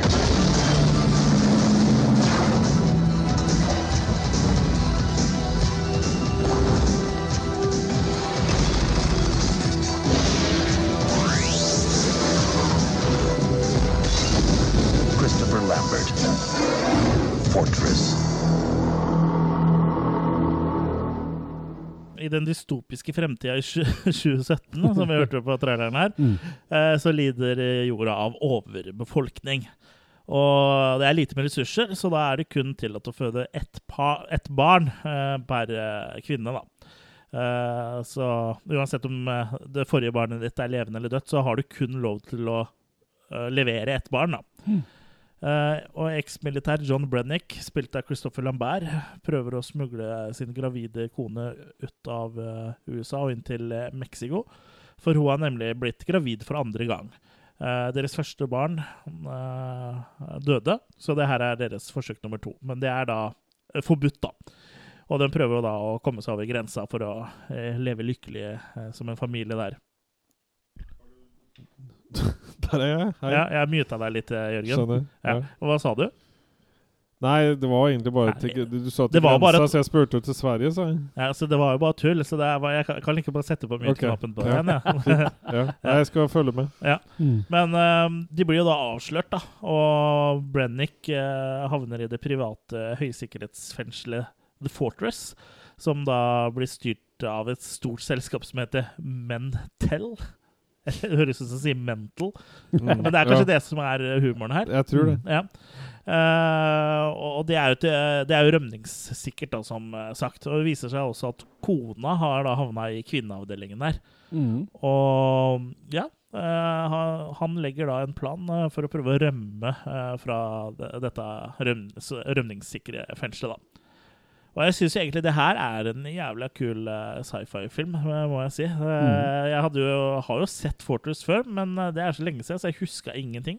Men jeg må si at det var en en veldig fint gjensyn, for den uh, syns jeg var skamkul, rett og slett. Eh, en sci-fi-perle, og litt sånn glemt, egentlig, vil jeg påstå. Den er jo ikke sånn høybudsjettfilm i forhold til andre sci-fi-filmer eh, fra med tidlig 90-tall, men eh, nei, jeg syns han var eh, fet. Og Jeffrey Combs er jo også med. Ja. eh, Som en sånn liten rolle som en sånn sprengningsekspert med, som sitter på celle sammen med Brennick. Med gøye briller igjen. Ja, med morsomme briller. Og, For, for vi har sagt det at de får innplanta sånne ting. ja, for det òg i det fengselet er, er jo sånn Du får innplanta en sånn eh, eh, sporer, da. I tarmen? Ja, som de kan enten eh, gi deg sånn eh, smerter eh, ved å sende ut signaler til en, eh, senderen, eller drepe deg. Mm. Og så er det sånn eh, soner i fengsel og sånn nå, hvor det er Hvis du går på gult, så får du sånne smerter, og hvis du går på rødt, så dør du. Mhm. Uh, det veldig kult konsept, egentlig. Jeg ble også litt sånn uh, imponert over settdesignet for det var ganske bra. Og i tillegg så var det mye bra sånn mattetegninger og modeller og sånn, som Mm. gjorde at liksom, det fengselet så jævlig svært ut. da. Og cellene hadde ikke dører, for det var bare sånne der, eh, Lasere. lasergreier. Så, Ja. mm. Lyser laserleser. Og så, Jeg, jeg syns jo han minner eh, Ikke det fordi filmen er så lik, men uh, det er kanskje fordi det er han fengselsvakten. Ja. Han spiller også, Han direktøren. Ja, han spiller også i Robocop. Ja, det er. Og jeg syns det minner litt sånn om sånn type film. da, Sånn fremtidsretta, men allikevel veldig grounda i virkeligheten, på en måte. Det er ikke sånn flyvende biler-sci-fi, liksom. Det er bare en uh, dystopisk framtid. Ja, Og så er det ganske mye gore her, og det er det jo også i Robocop. Så, Ja. Kanskje mer i Robocop, men det er en del her òg, altså. ja, absolutt. Jeg tror faktisk mulig den her kan ha vært sensurert når den kom på video i Norge. Altså, for den, eh, jeg kan ikke huske den var så voldelig. Nei, jeg har ikke sett den da den kom på video. Jeg så den på DVD en gang tidlig i 2000, men uh, Mm. uh, ja, jeg vil, som du nevner, han Kurtwood Smith, Ja. som spiller fengselsdirektøren Poe. Det er jo Mm. litt artig òg. Ja, Edgar Allan Poe, ja. Han er både ekkel og, og truende og spiller veldig bra. da Spiller Mm. sånn diabolsk, liksom. Og så syns jeg så konseptet med hele fengselet og det at eh, Og det med at man bare kan få ett barn og sånn, er veldig fantasifullt og kult. Og så er det det med at de eh, gravide havner jo også i fengsel, og der tar de jo barna og gjør dem om til sånn uh, Cyborgs. Ja, sånn cyborgs, ja. Sånn, uh, så de ikke trenger så mye mat og tar Mm. ikke opp så mye plass i, på planeten. Da. Og han uh, fengselsdirektøren er jo en sånn. Mm. Eh, så ja, jeg likte den her veldig godt. Uh, Christopher Lambert syns jeg er liksom en artig skrue. For han er liksom Han er ikke en dårlig skuespiller, men han er ikke sånn direkte bra heller. Men han, han, han funker jo her, da. Synes Nei. jeg Han funker i Fortress og Highlander og sånn. Uh, Og han stiller seg godt opp i rekka av uh, utenlandske actionhelter, på en måte, hvis du skjønner. Sånn ja, men han greide, liksom, og- han greide liksom ikke vippe over til A-ligaen sammen med van Damme og sånn, da. Neida. Van Damme tror jeg greide det på nippet. Det, jeg tror det var så vidt, liksom. Mm. Men han er liksom ikke der hvor Termi nei, Terminator Arnold Ja, det er ikke unaturlig at du sier Terminator, for Arnold burde jo absolutt vært i en sånn film. Ja, han er jo det. Escape Plan. Mm. Mm. Så Med selveste Sly. Ja, der, der, Derfor syns jeg liksom den her blir Yo, uh, yo, uh, we have to get out of this prison. Ah, Let's get out! Ja. Nei, for Det er derfor jeg liksom syns filmen blir ganske middels. Ja. Jeg liksom forventer Arnold. Jeg sitter og venter på Arnold halvannen time. Og Det er ganske dumt om du vet han ikke er med. Ja, det syns jeg er litt dumt, da. ja, men de betyr det at du ikke hadde sett den før? Eh, jo, jeg hadde sett den, og den var Og det er faktisk enda like dummere Jeg syns han var like kjedelig nå. Ja. Mm. Hvorfor syns du han er kjedelig, da? Den underholder meg ikke. Jeg syns liksom ikke det er noe Ja, det skjønner jeg jo, da, men du må ha noen grunn.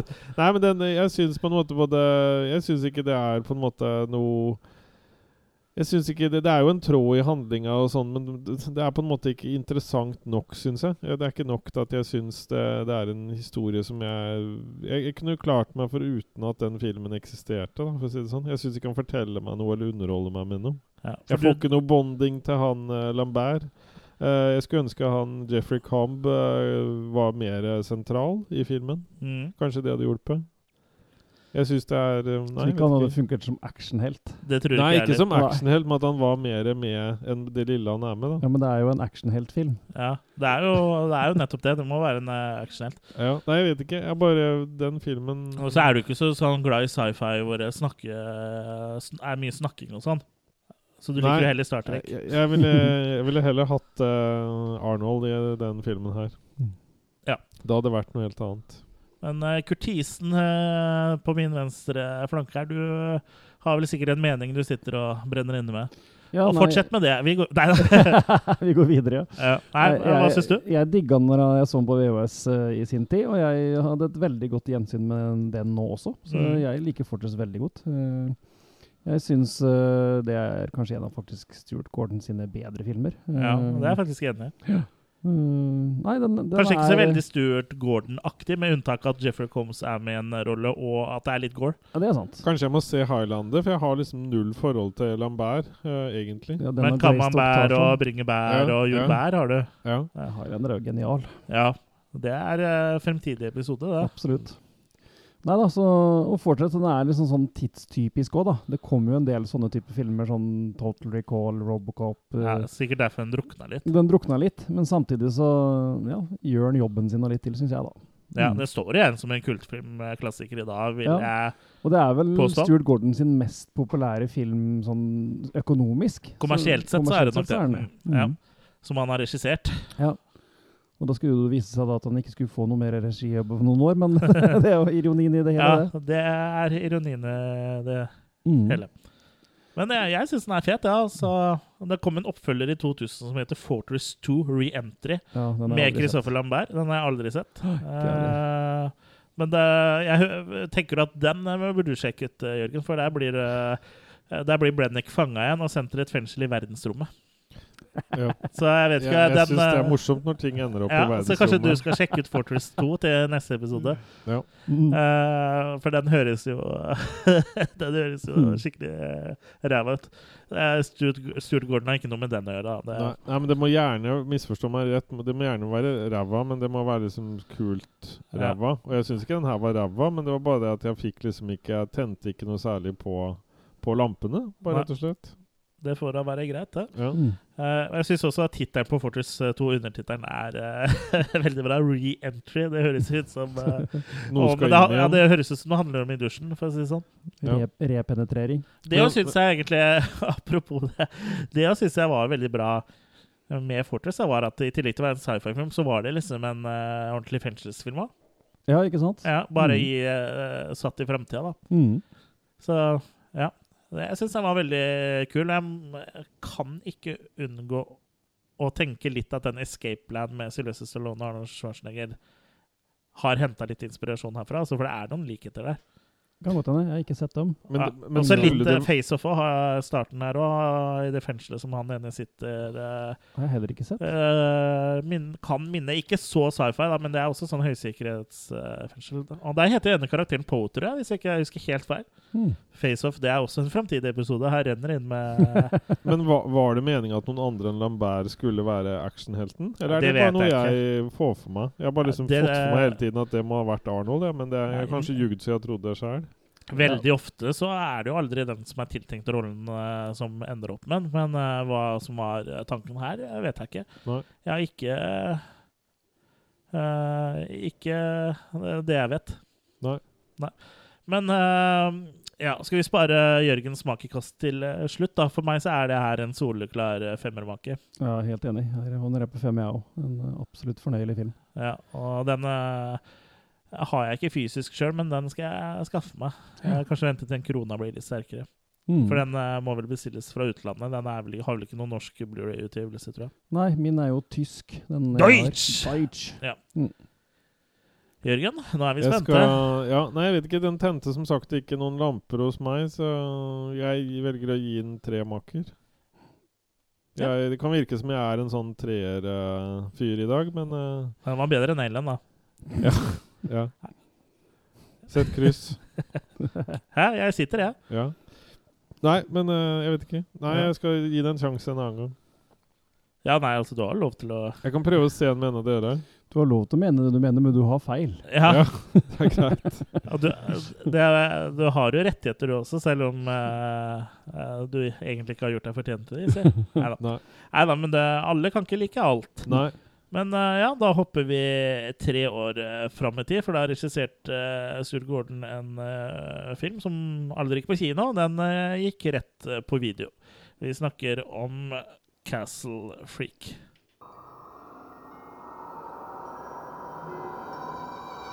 Stuart Gordon, the director of Fortress, The Pit and the Pendulum, and Reanimator, takes you into the dungeons of Castle Dorsino.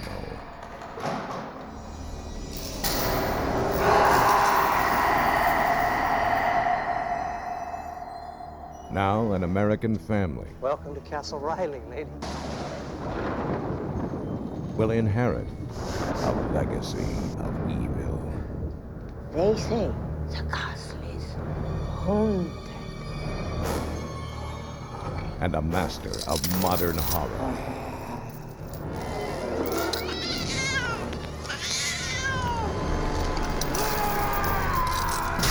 will unleash his most terrifying creation. Stuart Gordon's Castle Freak. There's somebody else here! There, there's somebody in the castle!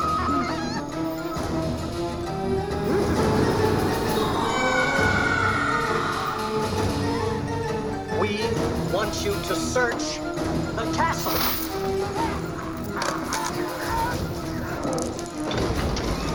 Giorgio Dorsino. He was never buried. She kept him alive. He's here somewhere in the castle.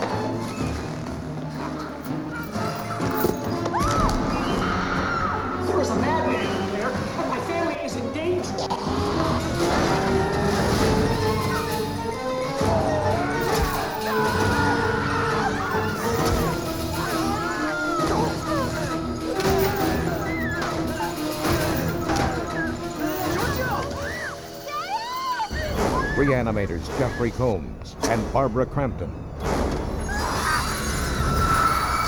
In Stuart Gordon's Castle Freak.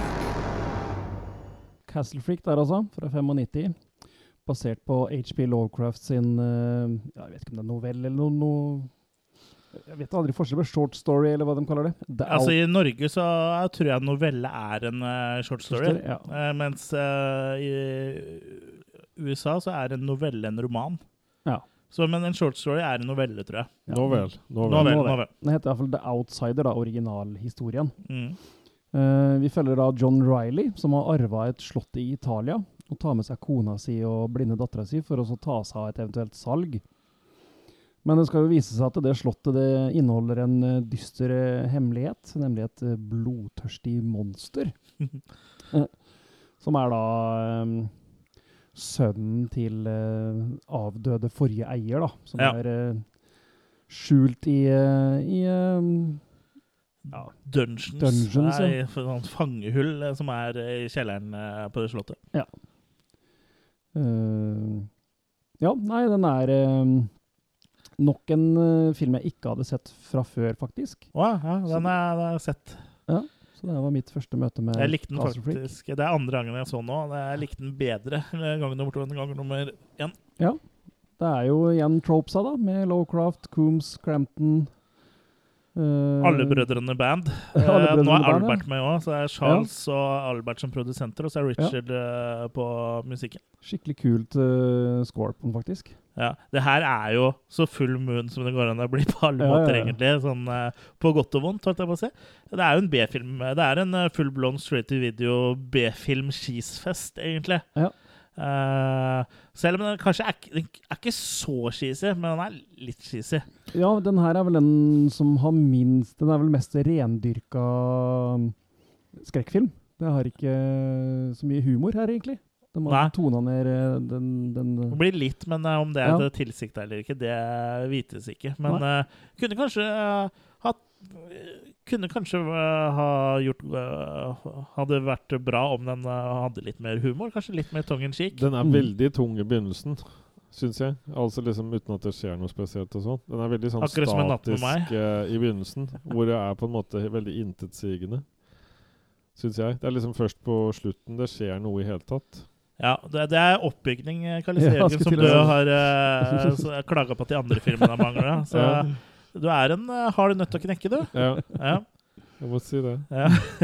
jeg syns jo filmen får en helt sånn egen atmosfære ved å være filma i Italia. da. Ja, og det, det er jo faktisk filma på slottet til, eh, Charles Band. Band, Så ja. det er jo uh, Du kan bli rik av å lage B-film mm. Og distribuere den. Uh, men ja, jeg syns jo han eh, selve Cats-freaken uh, Giorgio, uh, som han en gang var Jeg syns jo han er litt av en type. Mm. For han er jo bare Han har vært låst inne i det hølet og blitt piska og mora Skjært av tunga og Hele- kastrert og hele livet. Fordi hun har på en måte Hun ble forlatt av mannen sin. Mm. Og så har hun latt det gå utover eh, deres sønn, og bare låst han inne og, og torturert han. Og alt han eh, Når han da liksom kommer fri, alt han egentlig gjør, er at han hermer jo bare etter det han ser han eh, eh, karakteren til Jeffrey Combs gjør. Da. Blant annet når han er, er drita og får med seg en hore ned i kjelleren der og sånn, Mm. og slikker på maken hennes og liksom uh, Mm. eh, slikker musa hennes. Og sånn, så prøver jo bare han Castle-freaken Georgie å gjøre det samme etterpå. Men han går Han litt, biter jo av. ja, han går litt for hardt i verks. Ja. Så Ikke han er- blowjob der, for å si det sånn. Så det er jo en sånn slags sånn nai naivitet og liksom ikke kjennskap til verden som også preger han her. Altså det, det er jo litt humor, syns jeg, da. Det er veldig bra effekter her. Han ser veldig eh, nasty ut, han der uh, monsteret. Ja. Men monsteret er han spilt av han uh, Jonathan, han som var Antonio i Pit and the Pendulum? Mulig. Lurer jeg på. Jonathan Fuller, eller hva han heter for noe? Det vet jeg ikke. Uh, men, men ja. Uh, jeg syns jo også de har gjort en god jobb med å holde han Giorgio Det står jo Jonathan Fuller her, så han er nok, det er nok han som er inni freaken. Ja. De er gode på å holde freaken litt tilbake. Da. Du ser ikke så mye av den til å begynne med. Du ser litt sånn her og der, og litt Mm. av ansiktet og litt av Og så pakker han seg i et laken som han finner, og Mm. Så jeg synes jo Biter av seg tommelen. Ja, For for, for å komme lenka. seg løs av lenka. Ja. Så jeg, jeg syns jo egentlig det er ganske gøy der. Altså, mye er bra gjennomført, sikkert på et veldig lavt budsjett. og ja, Så jeg, jeg syns jo det her er en uh, ekte bonafide B-filmklassiker. der. Altså, det her er Alle som liker B-filmer, bør uh, ha Castle Freak uh, eh, i hjertet sitt. Og kjenne at det hamrer litt ekstra for Castle Freak. Jeg så jo den derre um, uh, Full Moon lager jo sånne um, compilation-filmer, hvor de klipper sammen en sånn mensurium av uh, klipp fra masse forskjellige av deres filmer. da. Ja. Og prøver å lage en form for sammenhengende story som ikke funker i det hele tatt. Og hvorfor de i hele tatt gidder det, det er ja. absolutt spesielt. Veldig merkelig. Uh, den jeg så, heter vel Psycho, Side, Psycho Sideshow, eller noe sånt. Bunker of Blood. Ja. Ja.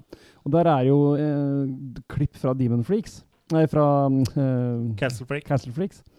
Eh, og det er bare det klippet hvor hun hora møter Giorgio. Og hvor alt, alt da går jo på italiensk. Så jeg trodde de hadde klippa inn en dubba scene, ja, for jeg ikke, jeg hadde jo ikke sett filmen før. Så jeg visste ikke at det skulle være sånn. Så det var ja, en selvsyn opplevelse, den derre Bunker of Blood-greia. Altså, det var eh, ja. Knirker i stolen din, eller sitter du og driter? Det knirker i stolen min. Ja, jeg tror ikke noen hørte den knirkinga heller. så Det, Som regel er de lydene vi hører, eh, ikke med på opptaket. det er fordi vi har så gode mikrofoner. Eller gode ører. Ja. Ja. Jeg, jeg tror det er mikrofonene som er gode, ja.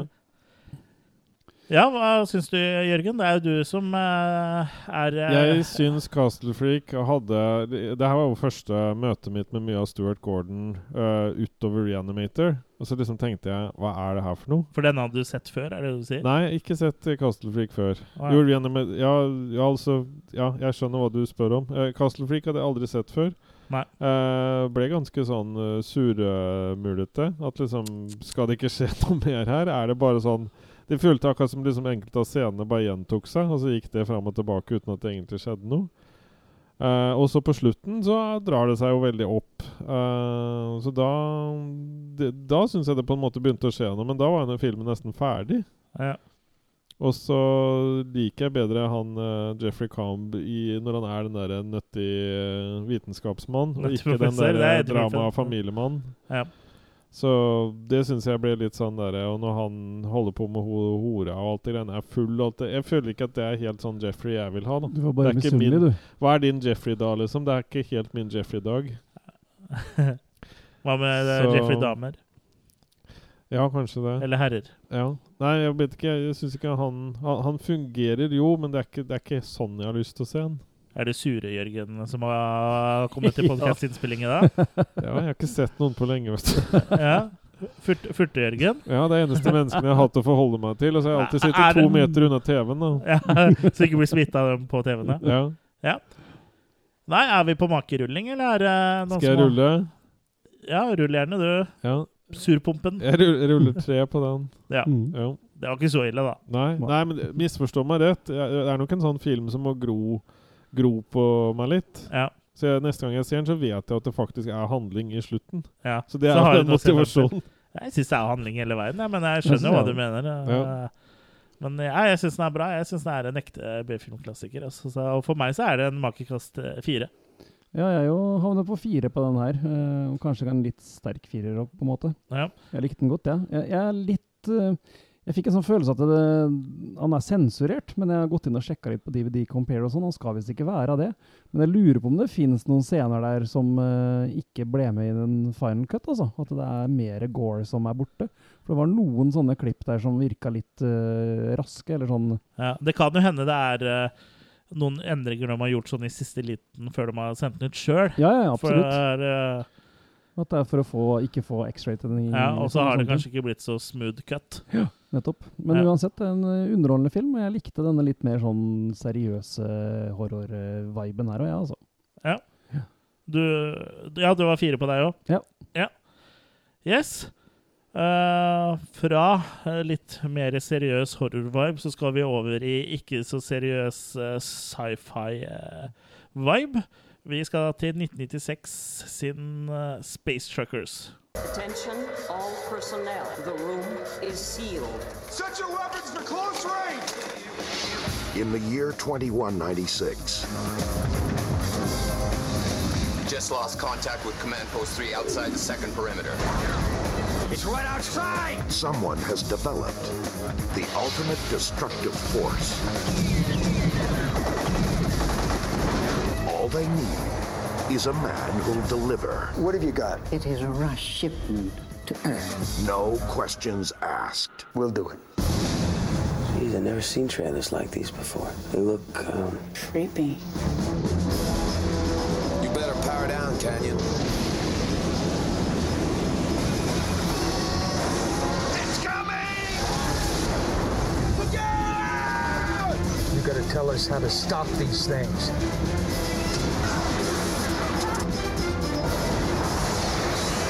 Dennis Hopper, Stephen Dorff, and Debbie Mazar. Fire it up!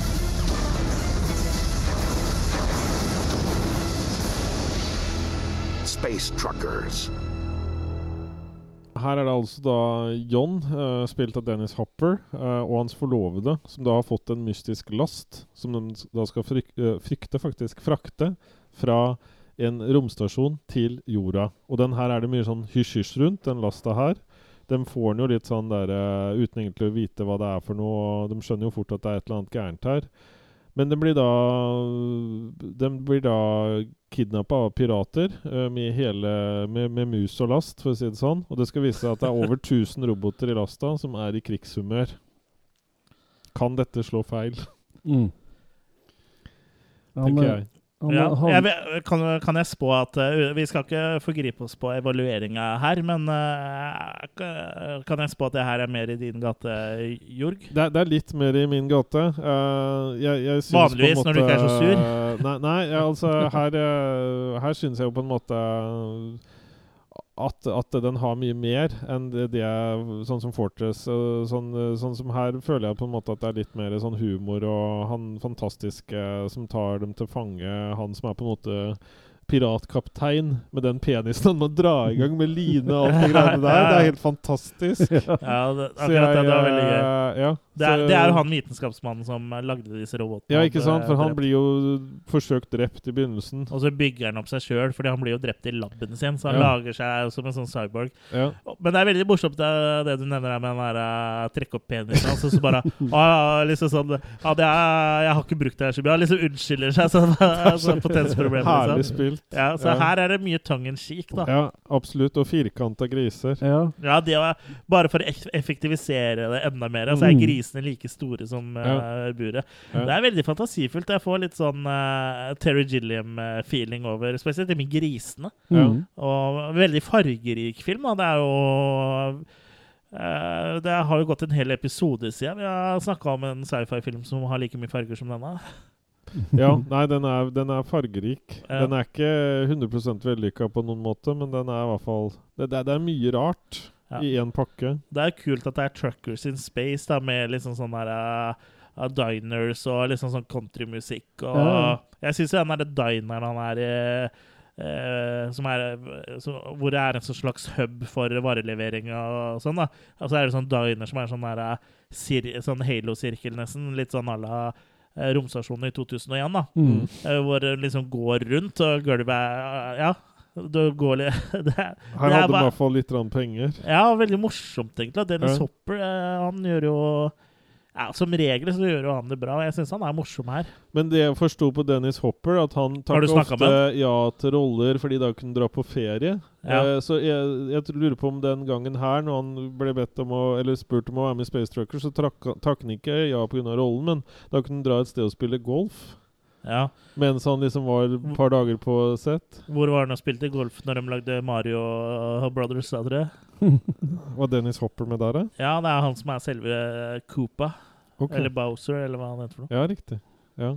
Nei, jeg har ikke sett den filmen, så det Nei, det skal det snart. Det blir nok Ja. en episode der. Og nå teaser vi mange f- fremtidige Ja. episoder, men det Ja. gjør vi jo alltid. Ja. Det er så mye Ja. å ta av. Mm. Og to tredjedeler av det blir ikke noe av. Nei, to, tre, ja, vi, er ikke, vi har ikke pensjonert oss eller dødd av covid-19 ennå. Men det, men det er i hvert fall en Selv om ikke Jeg vil ikke si sånn science fiction-filmer er styrken til han eh, Stu, Stuart Gordon. Men allikevel så gjør han det med et smil Ja. når han eh, gjør det. Så jeg syns på en måte at han eh, Han skal ha for at han prøver, i hvert fall. Mm. Jeg har aldri sett en film hvor jeg har sett så mange vaiere. For eh, her var det ingen Mm. vaiere som på en måte var forsøkt uh, fjerna eller noen ting. Så, men det var jo gøy da, at vi så vaierne Uansett effekter, om det liksom gikk sånn Eller var i sånn anti-gravity eller noe sånt noe. Så så du de vaierne, og det er jo egentlig bare med på å løfte filmen litt, syns jeg, for det er jævla morsomt. Ja. For de gjorde det vanskelig for seg sjøl, fordi det skulle være eh, ordentlig sånn vekt eh, i vektløs tilstand. De har, jo, de har jo fått det til ganske bra på en del av tinga. Det er bare det at vaierne Ja. syns. Det er nettopp det. Men det er det som er så teit. da. Det tenkte han ikke på at det kom til å bli et kjempeutfordring før etter at han bestemte seg for å ha det sånn. For det er jo ganske mye tekniske greier da, som skal til for å Og jeg tror selv i 1996 så lot det seg gjøre å få gjerne vaiere sånn eh, Ja. digitalt, altså. Ja. Eh, sånn eh, Men de hadde kanskje ikke budsjett til det, da. Nei, jeg vet han sa noe om det på den der eh, Jeg så det der intervjuet med han på disken, men jeg husker ikke hva det var. Men det er en grunn til at noe av det er, ja. Ja, men sånn som, jeg tror eh, de gikk tom for penger, rett og slett, ja. Ja. Ja. For Mm. sånn som nå, så tror jeg den- du kan eh, bare kjøre gjennom After Effects, eller til og med Avid, som er et klippeprogram, så kan du velge sånn wire remover, og så Mm. tar den bort. Men uh, ja. I 96 så var det nok litt mer kostbart enn å bare fyre opp en laptop. Mm. Nei, Jeg syns den der var en uh, artig Den, den er en film, morsom, sånn Ja. annerledes film. Det var et hyggelig gjensyn med den, for jeg har jo nevnt den tidligere her på podkasten. For den dukka plutselig opp på Netflix uh, for en god tid tilbake. Har du det? jeg mener jeg har nevnt den for dere. Det er mulig. Ja. Nei, det tror jeg ikke. Neida. Da må du si episode. Neida. Ja. Men Pål Frosta kan få den oppgaven. Mm. Hvor, eh, det er jo bare å gå inn på filmfront.no nå før du, eh, vi legger ut en episode her, så vet du. Hvis Ja. det var da vi- etter vi hadde begynt å rangere filmer, da. Ja. Mm. For i starten så var vi jo litt for kule til å gi makekast. Men så begynte vi med noen anmeldelser skriftlig, og da fant vi ut at vi måtte ha det. Mm. Men ja, eh, Kurt, hva syns du? Space Truckers? Jeg likte den godt. Igjen nok en film som jeg så for første gang nå, og trivdes i eh, Stuarts lettbeinte space-humor. Fargerik, som du sa, og kult med Dennis Hopper, som alltid gjør en god rolle, og dame som går stort sett bare i bikini eller bh eller sånn hele filmen. Det, er- det gjør seg, syns jeg. Hun var sånn skikkelig 90-tallsbabe. Sånn der, hvis Ja. du liksom tenker 90-tallsbabe med sånn sånn blank uh... Ja, altså sånn tynne øyenbryn og sånn sveis Ja. som eh, sånn halvlangt hår og mm. veldig sånn eh, markert uh, leppestift. Sånn. Veldig 90-tallsbabe. Men hun var litt deilig, da. Jeg har gitt den fem, faktisk. Forrige gang? for- forrige gang. Så du må ned nå, da. Fem makis. Ja, det Ja. ga jeg en sist. Ja. Men eh, hva gir du da, Kurt? Jeg gir den fire. Ja. Mm. Jeg gir den også fire. Jeg syns den er uh, veldig morsom, faktisk. Veldig underholdende. og eh, Veldig mye farger. Jeg var glad at jeg ikke så den her fyllesyk. Men jeg syns den var kul. Altså, den overraska litt. Og hadde ikke forventa den fra Stuart Gordon, egentlig. Men den var morsom. Mm. Eh, hos meg så har den gått ned én karakter, da. Så jeg trekker nå øh, trekker meg ned på fire maker. Ja, har du en liten begrunnelse også? Ja, altså Første gangen så tok hun meg litt på senga, og da Oh. hadde jeg jo ikke Stuart Gordon heller i hodet. Da bare så jeg henne og liksom bare ble litt sånn derre Oi, det der var en artig sci-fi country-film, ikke sant? Eh, og så ble det mer sånn Ja, men det her har jeg sett før, og Jeg likte den jo sist, men nå var det litt rann, ikke fullt så artig, holdt jeg på å si. Det var kanskje ikke samme sånn element of uh, supplies? Nei, nei, så det Jeg følte vel Eller nei, jeg må innrømme jeg huska veldig lite av den. Eh, Nei, men at du eh, huska at du hadde sett den. Så ja, jeg huska at jeg hadde en god følelse når jeg hadde sett den før. Ja, for, for meg så ble det litt sånn element of supplies. At det var var countrymusikk, og det var så Ja. mye farger og sånn. At det Ja. begynner med der. Mm. Så den åpner jo veldig sterkt, syns jeg. Ja. Så faller filmen egentlig litt etter hvert, og så går den litt opp igjen når vi treffer han her uh, uh, cyborg-piraten. Ja. Som, må dra i gang, som må dra i gang kølla. Hva heter han for noe? Charles Jeg husker ikke helt, men han er med i Game of Thrones. Ja, nettopp. Og det som er litt artig også, er at han, eh, hvis vi hopper litt tilbake til uh, The Pit and the Pendulum Han ene han ene bødderen der, holdt jeg på å si, eller han eh, som jobber inne i torturkammeret, da. Mm. Uh, han eh, sp spiller jo i Breaking Bad og Better Cold Soul. Ja. Som en sånn eh, gammel fyr i rullestol. Mm. Så det er jo artig, artig å se uh, folk du har sett før. Ja. Hyggelig med gjensyn. Se. Ta, hilse på gamle kjente. Ja. Var vi ferdig med Alle har gitt uh, Alle har gitt makert. makis. Eh, det er jo på en måte en sånn fornøyelig tulle, tullefilm, syns Ja. jeg. Ja. Ja, jeg syns, syns den var uh, mer enn artig. Altså. Mm. Men fra verdensrommet og fra 90-tallet så hopper vi til en ny, enda en HB Lovecraft-adopsjon. Og vi hopper til herrens år 2001. Do you hear that? It's coming from that village. Probably some sort of religious festival. Hey, that thing's coming right at us.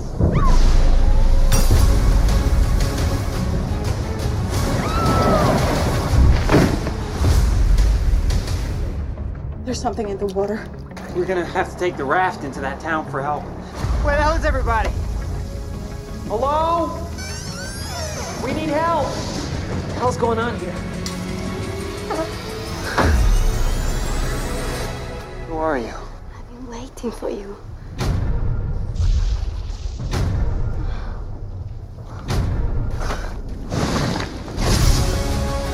Stay with me, please. Don't let them take me.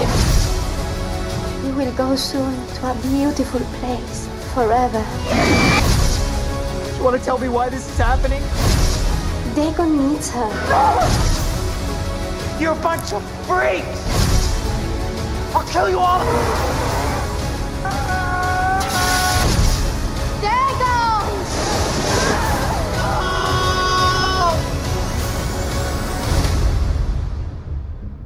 Ja, her er vi jo virkelig inne i Lovecraft-land med sånn Mm. Cthulhu-aktig opplegg som han eh, var veldig glad i. Um, men ikke la deg lure av navnet. Filmen heter eh, Dagon, men den er ikke basert på novellen Dagon som er skrevet av H.P. Lovecraft, men derimot Shadow of, The Shadow over Innsmouth, eller Innsmouth, eller hvordan du eh, uttaler det. Mhm. Og ganske eh, enkel eh, story. Eh, etter en båtulykke utafor en liten kystby i Spania, så får Paul og hans kjæreste Barbara rodd seg i land i den nevnte fiskelandsbyen. da. Og den byen er jo tilsynelatende helt tom. og det viser seg at alle menneskene er borte. og har, de har da blitt drept av en ny rase som er en slags hybrid mellom menneske og fisk, eh, som da ikler seg huden til ofra for å ikke skille seg for mye ut for uh, folk som forliser der, da, vil jeg tro, for hele byen er jo borte, så det er vel ikke noe farlig å skille seg ut hvis det ikke er noen å skille seg ut for. Men uh, det er vel basic uh, det handlinga går ut på, uten å spoile for mye.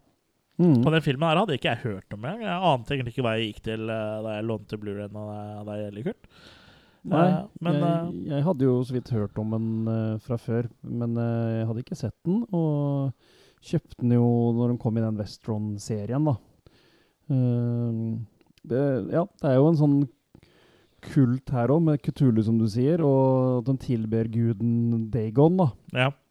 Uh, så Ja, nei Gøy med at han hovedrolleinnehaveren har en Miskatonic-genser, og det er jo en referanse til HB Lovecraft. Ja. Som både er i Reanimator og ja, flere av filmene. Ja, for det er en sånn college eller noe sånt, er det ikke? Ja. ja. Også, så så- Jeg klarer ikke å unngå å tenke på en Angry Video Game Nerd når jeg ser han skuespilleren. Å, ja. Jeg liksom følte hele tiden at det, det var mye sånn halvbroren hans når han Ja, jeg- spilte. Litt artig at du sier det, for jeg følte egentlig at det var virka som om eh, eh, eh, Stuart Helle helst ville ha hatt Jeffrey Combs i den rollen her. For det her virker som han har prøvd å caste en som er så lik som mulig som han. Ja, riktig. For han eh, minner ganske mye Ja. om eh, Jeffrey Combs, bare Mm. yngre. Ja. Uh, jeg, jeg liker veldig godt den settinga med fiskelandsbyen uh, Inbocca heter den landsbyen. Og det Mm. betyr jo in mouth på Ja. spansk, altså i munn. Mm. Altså Det er liksom litt takk. nikk til uh, originalhistorien til Lovecraft. Det vet jeg du ikke sier nei takk til, Jørgen. og um, litt artig at kjæresten hans eh, heter Barbara, da. Det må, må Ja. jo være et nikk til Barbara Crampton. Ja, ja, ja. Og så jeg, jeg, jeg har en sånn liten Ja. forkjærlighet for filmer hvor uh, man blir jaga av uh, sånne her, uh, landsbyfolk. Enten Mm. det er hillbillies, eller om det er freaks, eller vanlige landsbyfolk. og jeg fikk også litt sånn klassisk sånn adventure-feeling av den filmen her. Ispedd litt sånn B-film-vibber, da. Mm. Den har en helt annen styrke enn mange av de andre filmene til Stuart Gordon, syns jeg. Ja, Med fortell. at, han, nei, men at det er mer laga jevnt over at det er en viss type mennesker. Fiskemennesker. Så, ja, fiskemennesker, og måten de får bygd opp det på. Og så kommer han der eh, og ødelegger han som jeg omtrent ikke skjønte et skvett eh, ord av hva som sa. Han som er liksom den ene av dem som er tilsynelatende normale, av han oh, ja. gamle fyren. Ja. Jeg skjønte knapt hva han sa, eh, for det var jo ikke teksta heller. Så han, jeg vil gjerne ha en tilsendt replikkene hans uh, seinere. Ja. Men i hvert fall måten de har bygd opp universet på. Du kommer inn i den der kirken, det er ting som skjer der. Han klarer mer å utnytte de små hulla, da. Hvis jeg kan kalle det det. ja, akkurat som deg, si. Ja, så Ja. det Her imponerer han på en måte på en mye mer måte enn det han har gjort på mange av de andre filmene. Ja. Hvor han kan gå litt i dybden. Vi er jo på 2000-tallet, og så den er litt mer sånn moderne i fortellerteknikken. Men uh, det er litt så, også litt sånn CGI eh, her og der. Men jeg syns den er veldig bra. Den føles veldig Stuart Gordon ut, men uh, litt mer adventure, liksom. Litt mer sånn eh, eventyrfilm. Ja, men du føler liksom at han er litt sånn der ekkel, at du føler på en måte litt det der at du sjøl trekker deg litt to meter unna de der fiskefolka, da. Ja, At du jeg vil helst ikke komme i kontakt med dem. Ja. jeg så jo når hun først kom uh, uh, i landsdelen eller landsbyen og møtte eh, en, eh, en fyr og så to andre som jobba på en båt rett bak. Og du Ja. så at eh, han ene han blunka jo ikke, så du skjønte med en gang at det var noe off. Liksom. Og det er jo fordi det er fisk under menneskehud. Mm. Så jeg syns jo ja, liksom, den er både horror og Ja. adventure. Så jeg, den her likte jeg veldig bra. Så har du jo dattera til han som liksom styrer den eh, landsbyen her òg, som Mm. er eh, en slags blekksprut-havfrue, hvor liksom toppen er eh, deilig dame, og bunnen er deilig blekksprut. Hva, hva er det du liksom på en måte ikke kunne fått med deg etter en natt med henne, liksom, med to Ja. tentakler og sånn? Mm. Ja, det er jo For mange uh, hentai-elskere så er det sikkert en våtdrøm, det der. Ja.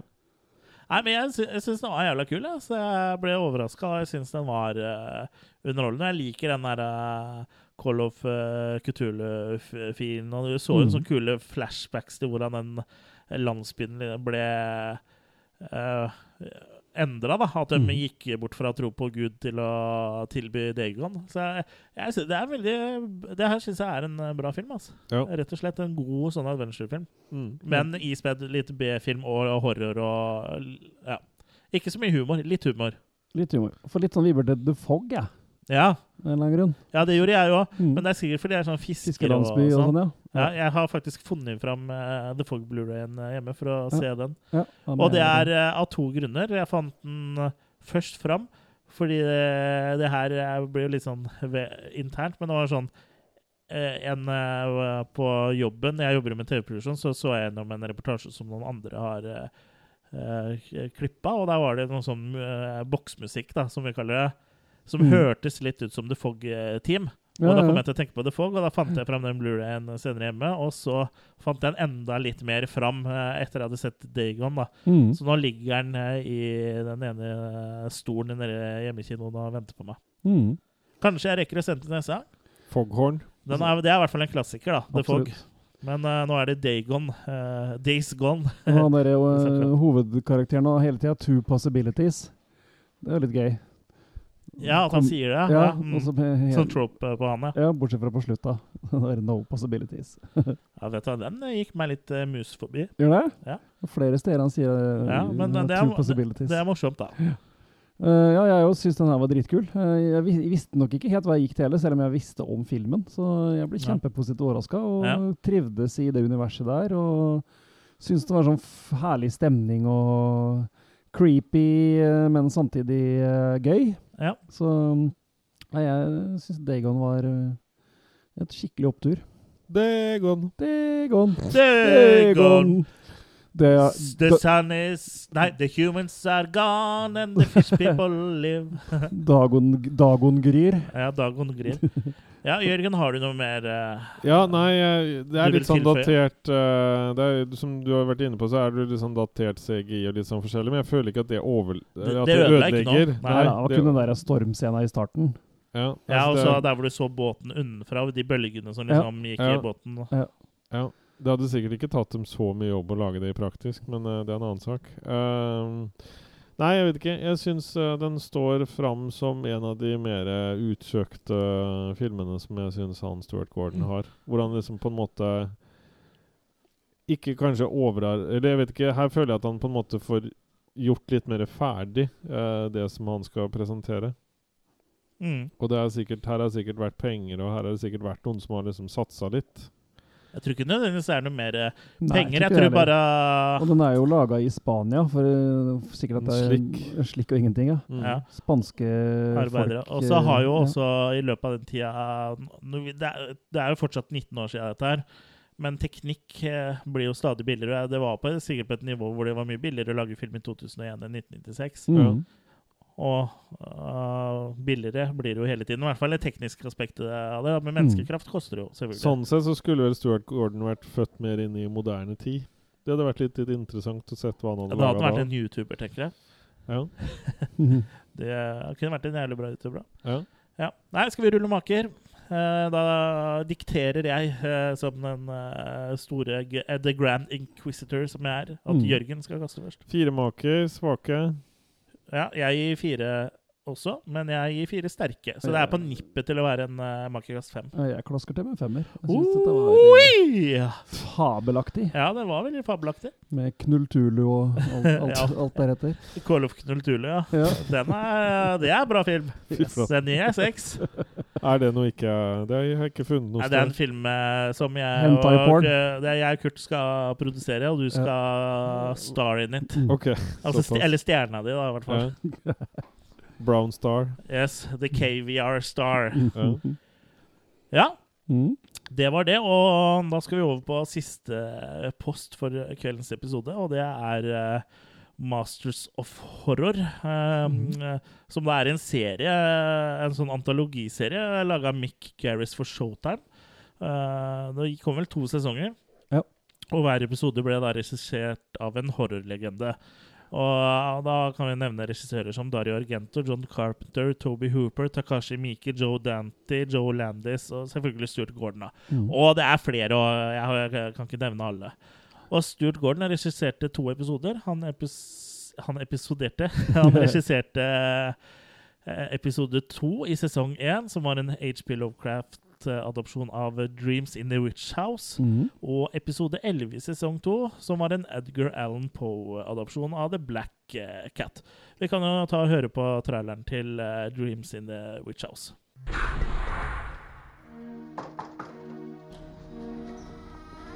The devil, he does not thirst for blood, he thirsts for souls. I'm a grad student. Student? Then I'm gonna need the extra month's rent in advance. You all right? It won't stop. It won't go away. Oh, God. It won't. This house is infested with rats. I can hear them in the walls. Hey, you put them up to this, Mazurwitz? Huh? Is this more of your nonsense? You saw it, the rat. With a face. Well, there. A human face. That was a dream. No dream. You put the idea in my mind. I went to sleep and I dreamt about it. She is coming for you. Who are you talking about? The witch. Take this. No thanks. It was just a dream. No dream. This house is evil. Your soul is in peril. The rare book room is always locked. How did you get in? She needs a human soul, a man to make the sacrifice, to complete the ritual. They're real. The witch and the rat. You've seen the rat. Oh, Walter, you're scaring me. They want me to do it. Don't hit me. I'll, I'll, I'll call the cops. God have mercy on your soul.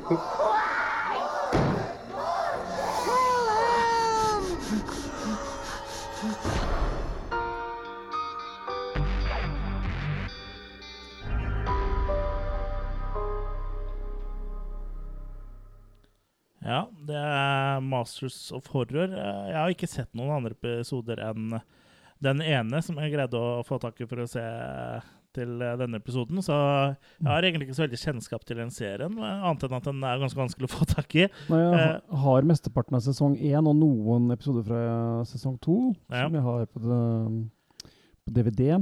Jeg har Jeg sett en del av de andre episodene, men ikke alle. Men det her var faktisk en av dem jeg hadde sett fra før òg. Ja. Den eh, Dreams in the Witch House. Jeg vet jo at de har vært på Amazon Prime Video, i hvert fall uh, i statene, men nå er den borte derfra, tror jeg. Så, for det Mm. er sånn, det her er en sånn perfekt serie som kunne vært på streaming, sånn à la Prime eller et eller annet. Mm. Uh, mulig den dukker opp der igjen uh, senere, det vet jeg ikke. Ja. Uh, men jeg har i hvert fall sett Dreams in the Witch House. Mm. Og den er jo en helt grei antologiepisode. Det handler om eh, en eh, fyr som leier en, eh, et rom i et hus som er et sånn eh, heksehus.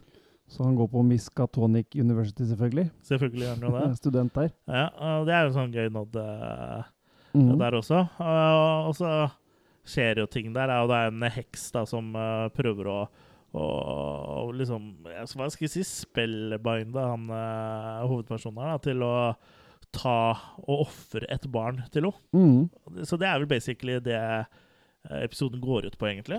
Så driver jo han også forsker på parallelle dimensjoner. Ja, så der er og litt da er sånn, jo eh, heldig med det rommet han leier, da, som faktisk er en port til en annen dimensjon hvor hekser bor. Ja, og det er litt artig når han sitter med dataen og ser liksom hvordan en sånn port til parallelle dimensjoner ser ut, så er det akkurat sånn som hjørnet i, leile Ja. eller i rommet ser ut. Ja. og det er jo en port som den heksa tydeligvis kan komme eh, til og fra han Mm. eh, til. da. Det, det er jo tydeligvis også en greie som Love eh, Nei, det her var Poe, det. Nei, det er Lovecraft. Det er Lovecraft, Lovecraft. ja. Det er tydeligvis en greie Lovecraft har. Ja. Det er liksom det Cthulhu-greiene og parallelle dimensjoner. Mm. Uh, så jeg syns jo liksom selve premisset er ganske Mm. kult. Men skuespillet skorter det litt på, syns jeg. Og det er, det er tydelig at det her er uh, sånn litt lavt made for TV-budsjett, da. Mm. Uh, Og jeg ble litt overraska over at det var fra 2005-2007, for det hadde jo begynt å komme serier som var liksom litt høyere budsjett og litt sånn eh, Folk hadde begynt å få opp eh, eh, øya for TV-serier, da. Mm. Ikke, ikke helt Game of Thrones-nivå ennå, men du hadde- jo liksom Sopranos og sånn. Uh, så jeg syns jeg, jeg, jeg fikk mer sånn 90-talls-feeling når jeg, jeg så på episoden, at det var 90-talls-TV da, enn 2005-2007-TV. Ja, sant det. Ja. Men altså, Men- det er jo fornøyelig på en måte allikevel, men det er ikke sånn uh, grisebra. Nei da, det er liksom helt greit. Eh, det som var når Masters of Horror kom, så fikk de jo sånn eh, fritt leide til å lage hva de ville. Det skulle ikke være noen form for eh, restraints eller sånn. Ikke noe overformynderi. Ja, helt til Takashi Mike leverte sin episode, så, Ja, så ble det plutselig litt føringer igjen. Ja, det- Han tok det til det ekstreme, uten at jeg har sett akkurat hans greie. da, Jeg har bare hørt om han. Jeg har sett Itchy the Killer. Den er ganske artig, den. altså. Ja. Vi burde kanskje ta, ta for oss noe Takashi, Takashi Miike snart òg. Ja. Det er i hvert fall en veldig Jeg syns det er en ganske fornøyelig episode, ja, sånn egentlig. Den er Ja. liksom sånn Det skjer ting som ikke du forventer, og så vrir den og vrenger på på det som kan skje, da. At det blir Ja. veldig sånn eh, nettopp drømmeaktig. Ja, for det, er jo litt artig det at han blir teleportert plutselig, på en måte. Og det er jo sikkert ved hjelp av sånn parallell eh, univers, hvor han plutselig våkner opp inne på et innelåst rom på skolebiblioteket han går på. og sånn. Ja, Mm. Og leser en ulovlig bok. Ja, The Ja. Necronomicon, Necronomicon. selvfølgelig. Det er en bok vi Mm. har kjennskap til. Mm. Vi har jo signert uh, den- den eh, med vårt blod, har vi ikke det? Jo. Ja. Ja. Blodpølse. Ja. Uh, så jeg vet ikke, skal vi gi et lik, lite matkast på, på denne episoden nå, eller? For det er ingen oss som har sett Black Cat, eller? Nei, Jo. Har du sett det nå, ja? Ja. Jeg så det. Hva handler den om? røft. Eh, det er jo egentlig en uh, full Edgar Allan Poe, Ja, uh, som, eh, som han tydeligvis var, siden de syns han var så flink til å spille han. Uh, så er det jo en sånn katt, eh, nettopp, da, som på en måte kommer tilbake igjen fra de døde etter at han dreper den, og den på en måte Murer den inn i veggen? Ja, ja de- der murer han jo inne Det er spoiler, da. Eh, Til slutt så murer han jo Har han jo mura ho Han har jo drept ho som følge Han har jo drept ho eh, eh, kona si. Uh, og til slutt så har han murt henne inn i veggen, og så hører de skriking bak i veggen. Mm. Og så er det katta da som skriker, akkurat som kona. Mm. Sånn så han blir uh, avslørt, da. For han er liksom sånn eh, Ber inn politiet, og ja, det er bare å titte her, og det er ikke noe å se her, og Mm. ja, dere ville være med i i kjelleren, og kanskje vil se gamle Donald-bladene mine, og han liksom bare ber Ja, han ber liksom inn, da. Ja. Han er filmatisert flere ganger, enn jeg har sett Ja, Argento andre Argento-lagene. Ja, fullskive. Fullskje er det som har eh, den versjonen. Den har jeg faktisk ikke sett. Uh, El Gato Negro? Nei. Jo. Ja, Ja, altså, Black ja. Cat. Den er ikke så veldig bra. Nei. Ja da. Ja. Kul story. Nei, men jeg kan kaste Makekast make på, på- den Dream som jeg har sett. Tre, Ja. tre, tre, tre maker på Jeg tenker også tre på Dreams in The Witch House. Jeg syns den var ganske underholdende, egentlig. Jeg tror jeg velger å gi fire der. Ja. Ikke sånn for å konsekvent være uenig med dere, men Jo. jeg syns faktisk den var ganske ålreit. Mm. Ja. Du liker rotter med menneskeansikt? Ja, det, det- var litt gøy, da. Det var litt sånn Ja. ja, Litt sånn eventyrfilm fra 80-tallet, følte jeg da. Ja. Mm. Men skal vi kaste Skal jeg kaste vi på den kan ikke, men du eh, kan. katta? Mm. Ja, kast Ja, Black Cat-episoden. Jeg syns egentlig den også var ganske sånn fornøyelig på sitt absurde vis. Jeg Mm. å gi den fire. Han, Jeffrey Combe han var jo så bra til å spille Alan Edgar Poe at det ble til og med en hel sånn forestilling, etter det jeg forsto, hvor han spiller Nevermore, eller hva det heter for noe. Ja, for det er Jeffrey Mm. Combs som spiller En den Black Hat-episoden? Ja, han er jo Han er jo Jeg holdt på å si maskert. Han er jo satt på litt sånn annerledes Ja, og, prosthetics. og sånt. Ja. Ja, det visste jeg ikke, da, men jeg nesten får prøve å få sett den episoden. Mm. Eh, Jeg visste ikke at uh, han uh, var med der. Nei. Uh, Du tenkte på Edgar Allan Mole, du. Ja. ja. Eller Pole. Ja. Så Det, nei, jeg vet ikke. Det har vært et veldig interessant univers uh, til Stuart. Jeg syns det er synd det ikke kommer mer. Og så ikke minst det at han skulle egentlig ha laga den derre siste Det nummer fire av Reanimator. Hvor det er presidenten som blir reanimert. Mm. Ja. Og da er det vel Jeffrey som skal spille presidenten, eller hva det er for noe? Jeg er ikke sikker. Det var jo flere utkast til en firer der. Der var det snakk om en TV-serie med Hotel eh, Reanimator. ja, den den Ja. er ikke Mm. forkasta ennå, egentlig. Eller Nei. kanskje nå. Jeg vet ikke hvor Brian Wilson lever jo ennå, da. Ja, Han nevnte vel det. ja. Nevnte ikke han det til oss eh, da vi er traff henne fysisk også? Ja, det er han som har tatt over den stafettpinnen, egentlig. Ja. ja, så det er jo litt, litt hadde, ja, De jobber jo stadig med å selge inn ting. Mm. Eh, og de, eh, Brian Nilsen holder jo på enda, men det er vel eh, Det har vel ikke kommet så mye bra eh, fra den kanten der, eller som jeg Så vidt jeg vet, i hvert fall. Ikke som jeg har fått med meg. Nei. Men sånn filmmessig så avslutter han jo greit med den Dagon, da. Sånn sett. Stuart Gordon, ja. Mm. Ja, det syns jeg. Han har kommet med en, eh, noe etter det òg, men eh, det har vi ikke fått sett. Men jeg tror heller ikke det er så mye å snakke om, så jeg tenker at vi har ta, tatt for oss det viktigste, og vel så det, Mm, i tror det. denne episoden. Mm. Uh, hva tenker vi om Stuart Gordon uh, når vi ser på hans filmografi? Da, han uh, som regissør slash eh, eh, writer. eh, Jeg, kan jo faktisk så vidt nevne da at jeg har sett Edmo nå, som er en av de siste filmene hans. Den har fått veldig skryt. Ja, Den syns jeg ikke var noe når jeg så den sist, for det, men jeg husker ikke så mye av den. da.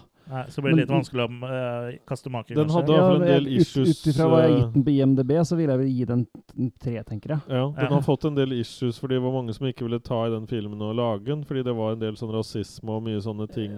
Det er, som, det er som å se Dere har sikkert sett den derre 'Falling Down'? ja. Ja, med Ja. eh, Michael. Det er en slags sånn type historie, men i underverden, da, med horer og barer og Ja.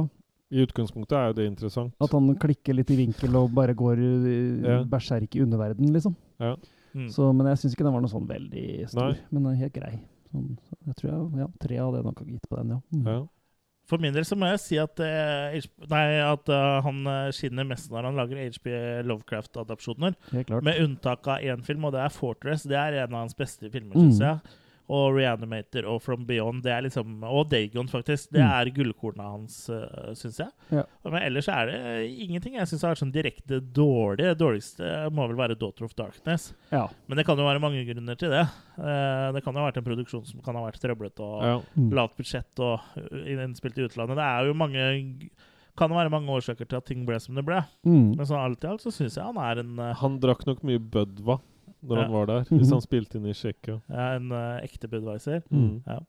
Nei, så jeg syns jo at han er en, eh, var en habil regissør, og jeg syns filmene hans er, er underholdende. Det er jo mange filmer der som uh, lenge har stått uh, høyt hos meg, da, spesielt Reanimator og From Beyond. Mm. Og nå etter å ha hatt et gjensyn med filmene, så er jo Fortress har jo også kommet høyt på lista mi over uh, filmer jeg liker, og uh, Dagon òg. Så eh, det er, han har mye bra. Det synes jeg. Absolutt. Det er bare synd det ikke liksom var mer penger i mye av det, da. Mm. Men Ja. samtidig så er ikke alltid det gjør det så mye bedre heller, da. Fordi at Nei. eh, han fungerer i sitt segment, liksom. Ja. Samme med Brian Houston. Det, liksom. det er jo to hender i samme ræv på mange måter. ja, det er jo det beste vi vet. Jeg tenker at det er liksom en bra oppsummering vil bli, som jeg nevnte innledningsvis, at mm. Surgården er eh, eller var eh, verdens eh, beste B-filmregissør. For jeg Mm. syns han fikk til mye med lite, da, tenker, tenker jeg, da. Mm. Ja. Et, absolutt et, eh, en av de mer interessante regissørene vi har hatt om, syns jeg. ja. Mer interessant enn Claudio Fragasso. You actor of dogs! ja. Nei, men han, han var liksom så, så god. Jovial. Ja, han var Ja. skikkelig jovial type. Ja. Mm. Mm. Sett en del intervjuer med sånn. Han tror ikke du fikk han lett sint, liksom. Nei. Nei. Så mm. Ja, nei, det er synd at han uh, har uh, forlatt oss. Han ble uh, 71? 71-72, var det ikke? 71 grader. Ja. Nei, jeg er ikke sikker. Jeg tror det var 71 eller noe sånt. 72. Ok. Mm. Men ja, det var da vår episode om eh, Stuart Gordon. Jeg håper at du uh, syns det var like gøy som eh, vi syns det var å høre på, som vi syns det var å snakke om uh, filmen hans. Men har vi helt nå bestemt oss for neste? Er det så Ja, det er skrevet i ballestein. Ja. For eh, i og med at eh, ting er eh, som det er i verden, og verden egentlig er i kjipt sted som bare består av Eh, korona og dødsfall og isolasjon og idioter og alt mulig, så har vi bestemt Glava. oss eh, for at eh, ja, at vi må Rockwool òg. At vi må mhm. le litt. Så neste gang så skal vi snakke om en trilogi En trilogi. Vi skal snakke om Koskudkorva vodka. Tre smaker. Nei, vi skal snakke om en trilogi som vi har snakka ah, om at vi skal snakke om mange ganger. Og kan jo høre litt her, så kanskje folk greier å gjette hva det er for noe. Jeg tror de fleste vet hva vi snakker om nå. Neste gang så skal vi ta for oss de legendariske crazy-komediene The Naked Gun. The Naked Gun Two and a Half, The Smell of Fair og Naked Gun 33 and a Third. Og hva heter den til undertittel igjen? Og det husker jeg ikke. Nei, sa, Samme det i hvert fall. Vi skal snakke om uh, Naked Gun-filmene. Hva slags forhold har dere til de filma? Meget godt forhold. Jeg har sett dem. Ja, det er meget godt forhold. Ja. Det er jo favoritter fra Ja, absolutt. Skal vi slenge så skal vi da- Skal vi da slenge med den der Police Squad også, eller? Nei, den kan vi spare til en egen okay. episode senere, syns jeg. Ja. Så vi ser Naked Gun uh, Eneren heter vel faktisk Naked, uh, The Naked Gun Files from Police Squad, tror jeg. Mm. Og så er det Naked Gun Two and a Half The Smell of Fair og Naked Gun 33 and a Third The Final Insult. Ja. Mm. Men uh, det her blir gøy, for det her er filmer som er uh, utrolig morsomme. Og det blir jo umulig å snakke om alle gagsa, men vi kommer i hvert fall til å snakke om filmene og våre favorittgags da, i de tre filmene. My Så- father died the same way. Ja. Og- Nei, det er mye. Og så er det jo litt gøy, da, for OJ er jo med i dem. Og ja, da skal vi kose oss skikkelig. Mm. Yes, men da blir det Naked Gun neste gang, dere. Så fram til da så får dere ha det riktig så bra. Og husk, Stay safe. vi har en uh, premiumpodkast som heter Killercast After Hours.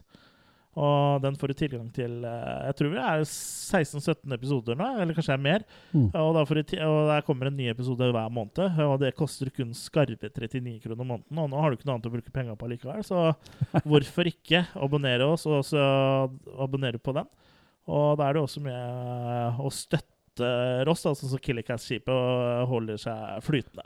Ja, og da, da holder vi selvfølgelig også to meter avstand til, Ja. til deg, som en Ja. takk for at du Ja, abonnerer. Og hvis du ikke abonnerer, så kommer vi og gnir oss inntil deg og hoster litt i fjeset ditt. Hvis du ikke onanerer, var det du sa? Ja. Du Sa må- du tilsikta? Altså, jeg mente jeg abonnerer, så jeg onanerer. Du kan spole tilbake og høre etterpå. Ja. Uansett, jeg sier det dere vil hvis dere betaler. Nei da. Men uh, ja. Ha det bra! Shalabais.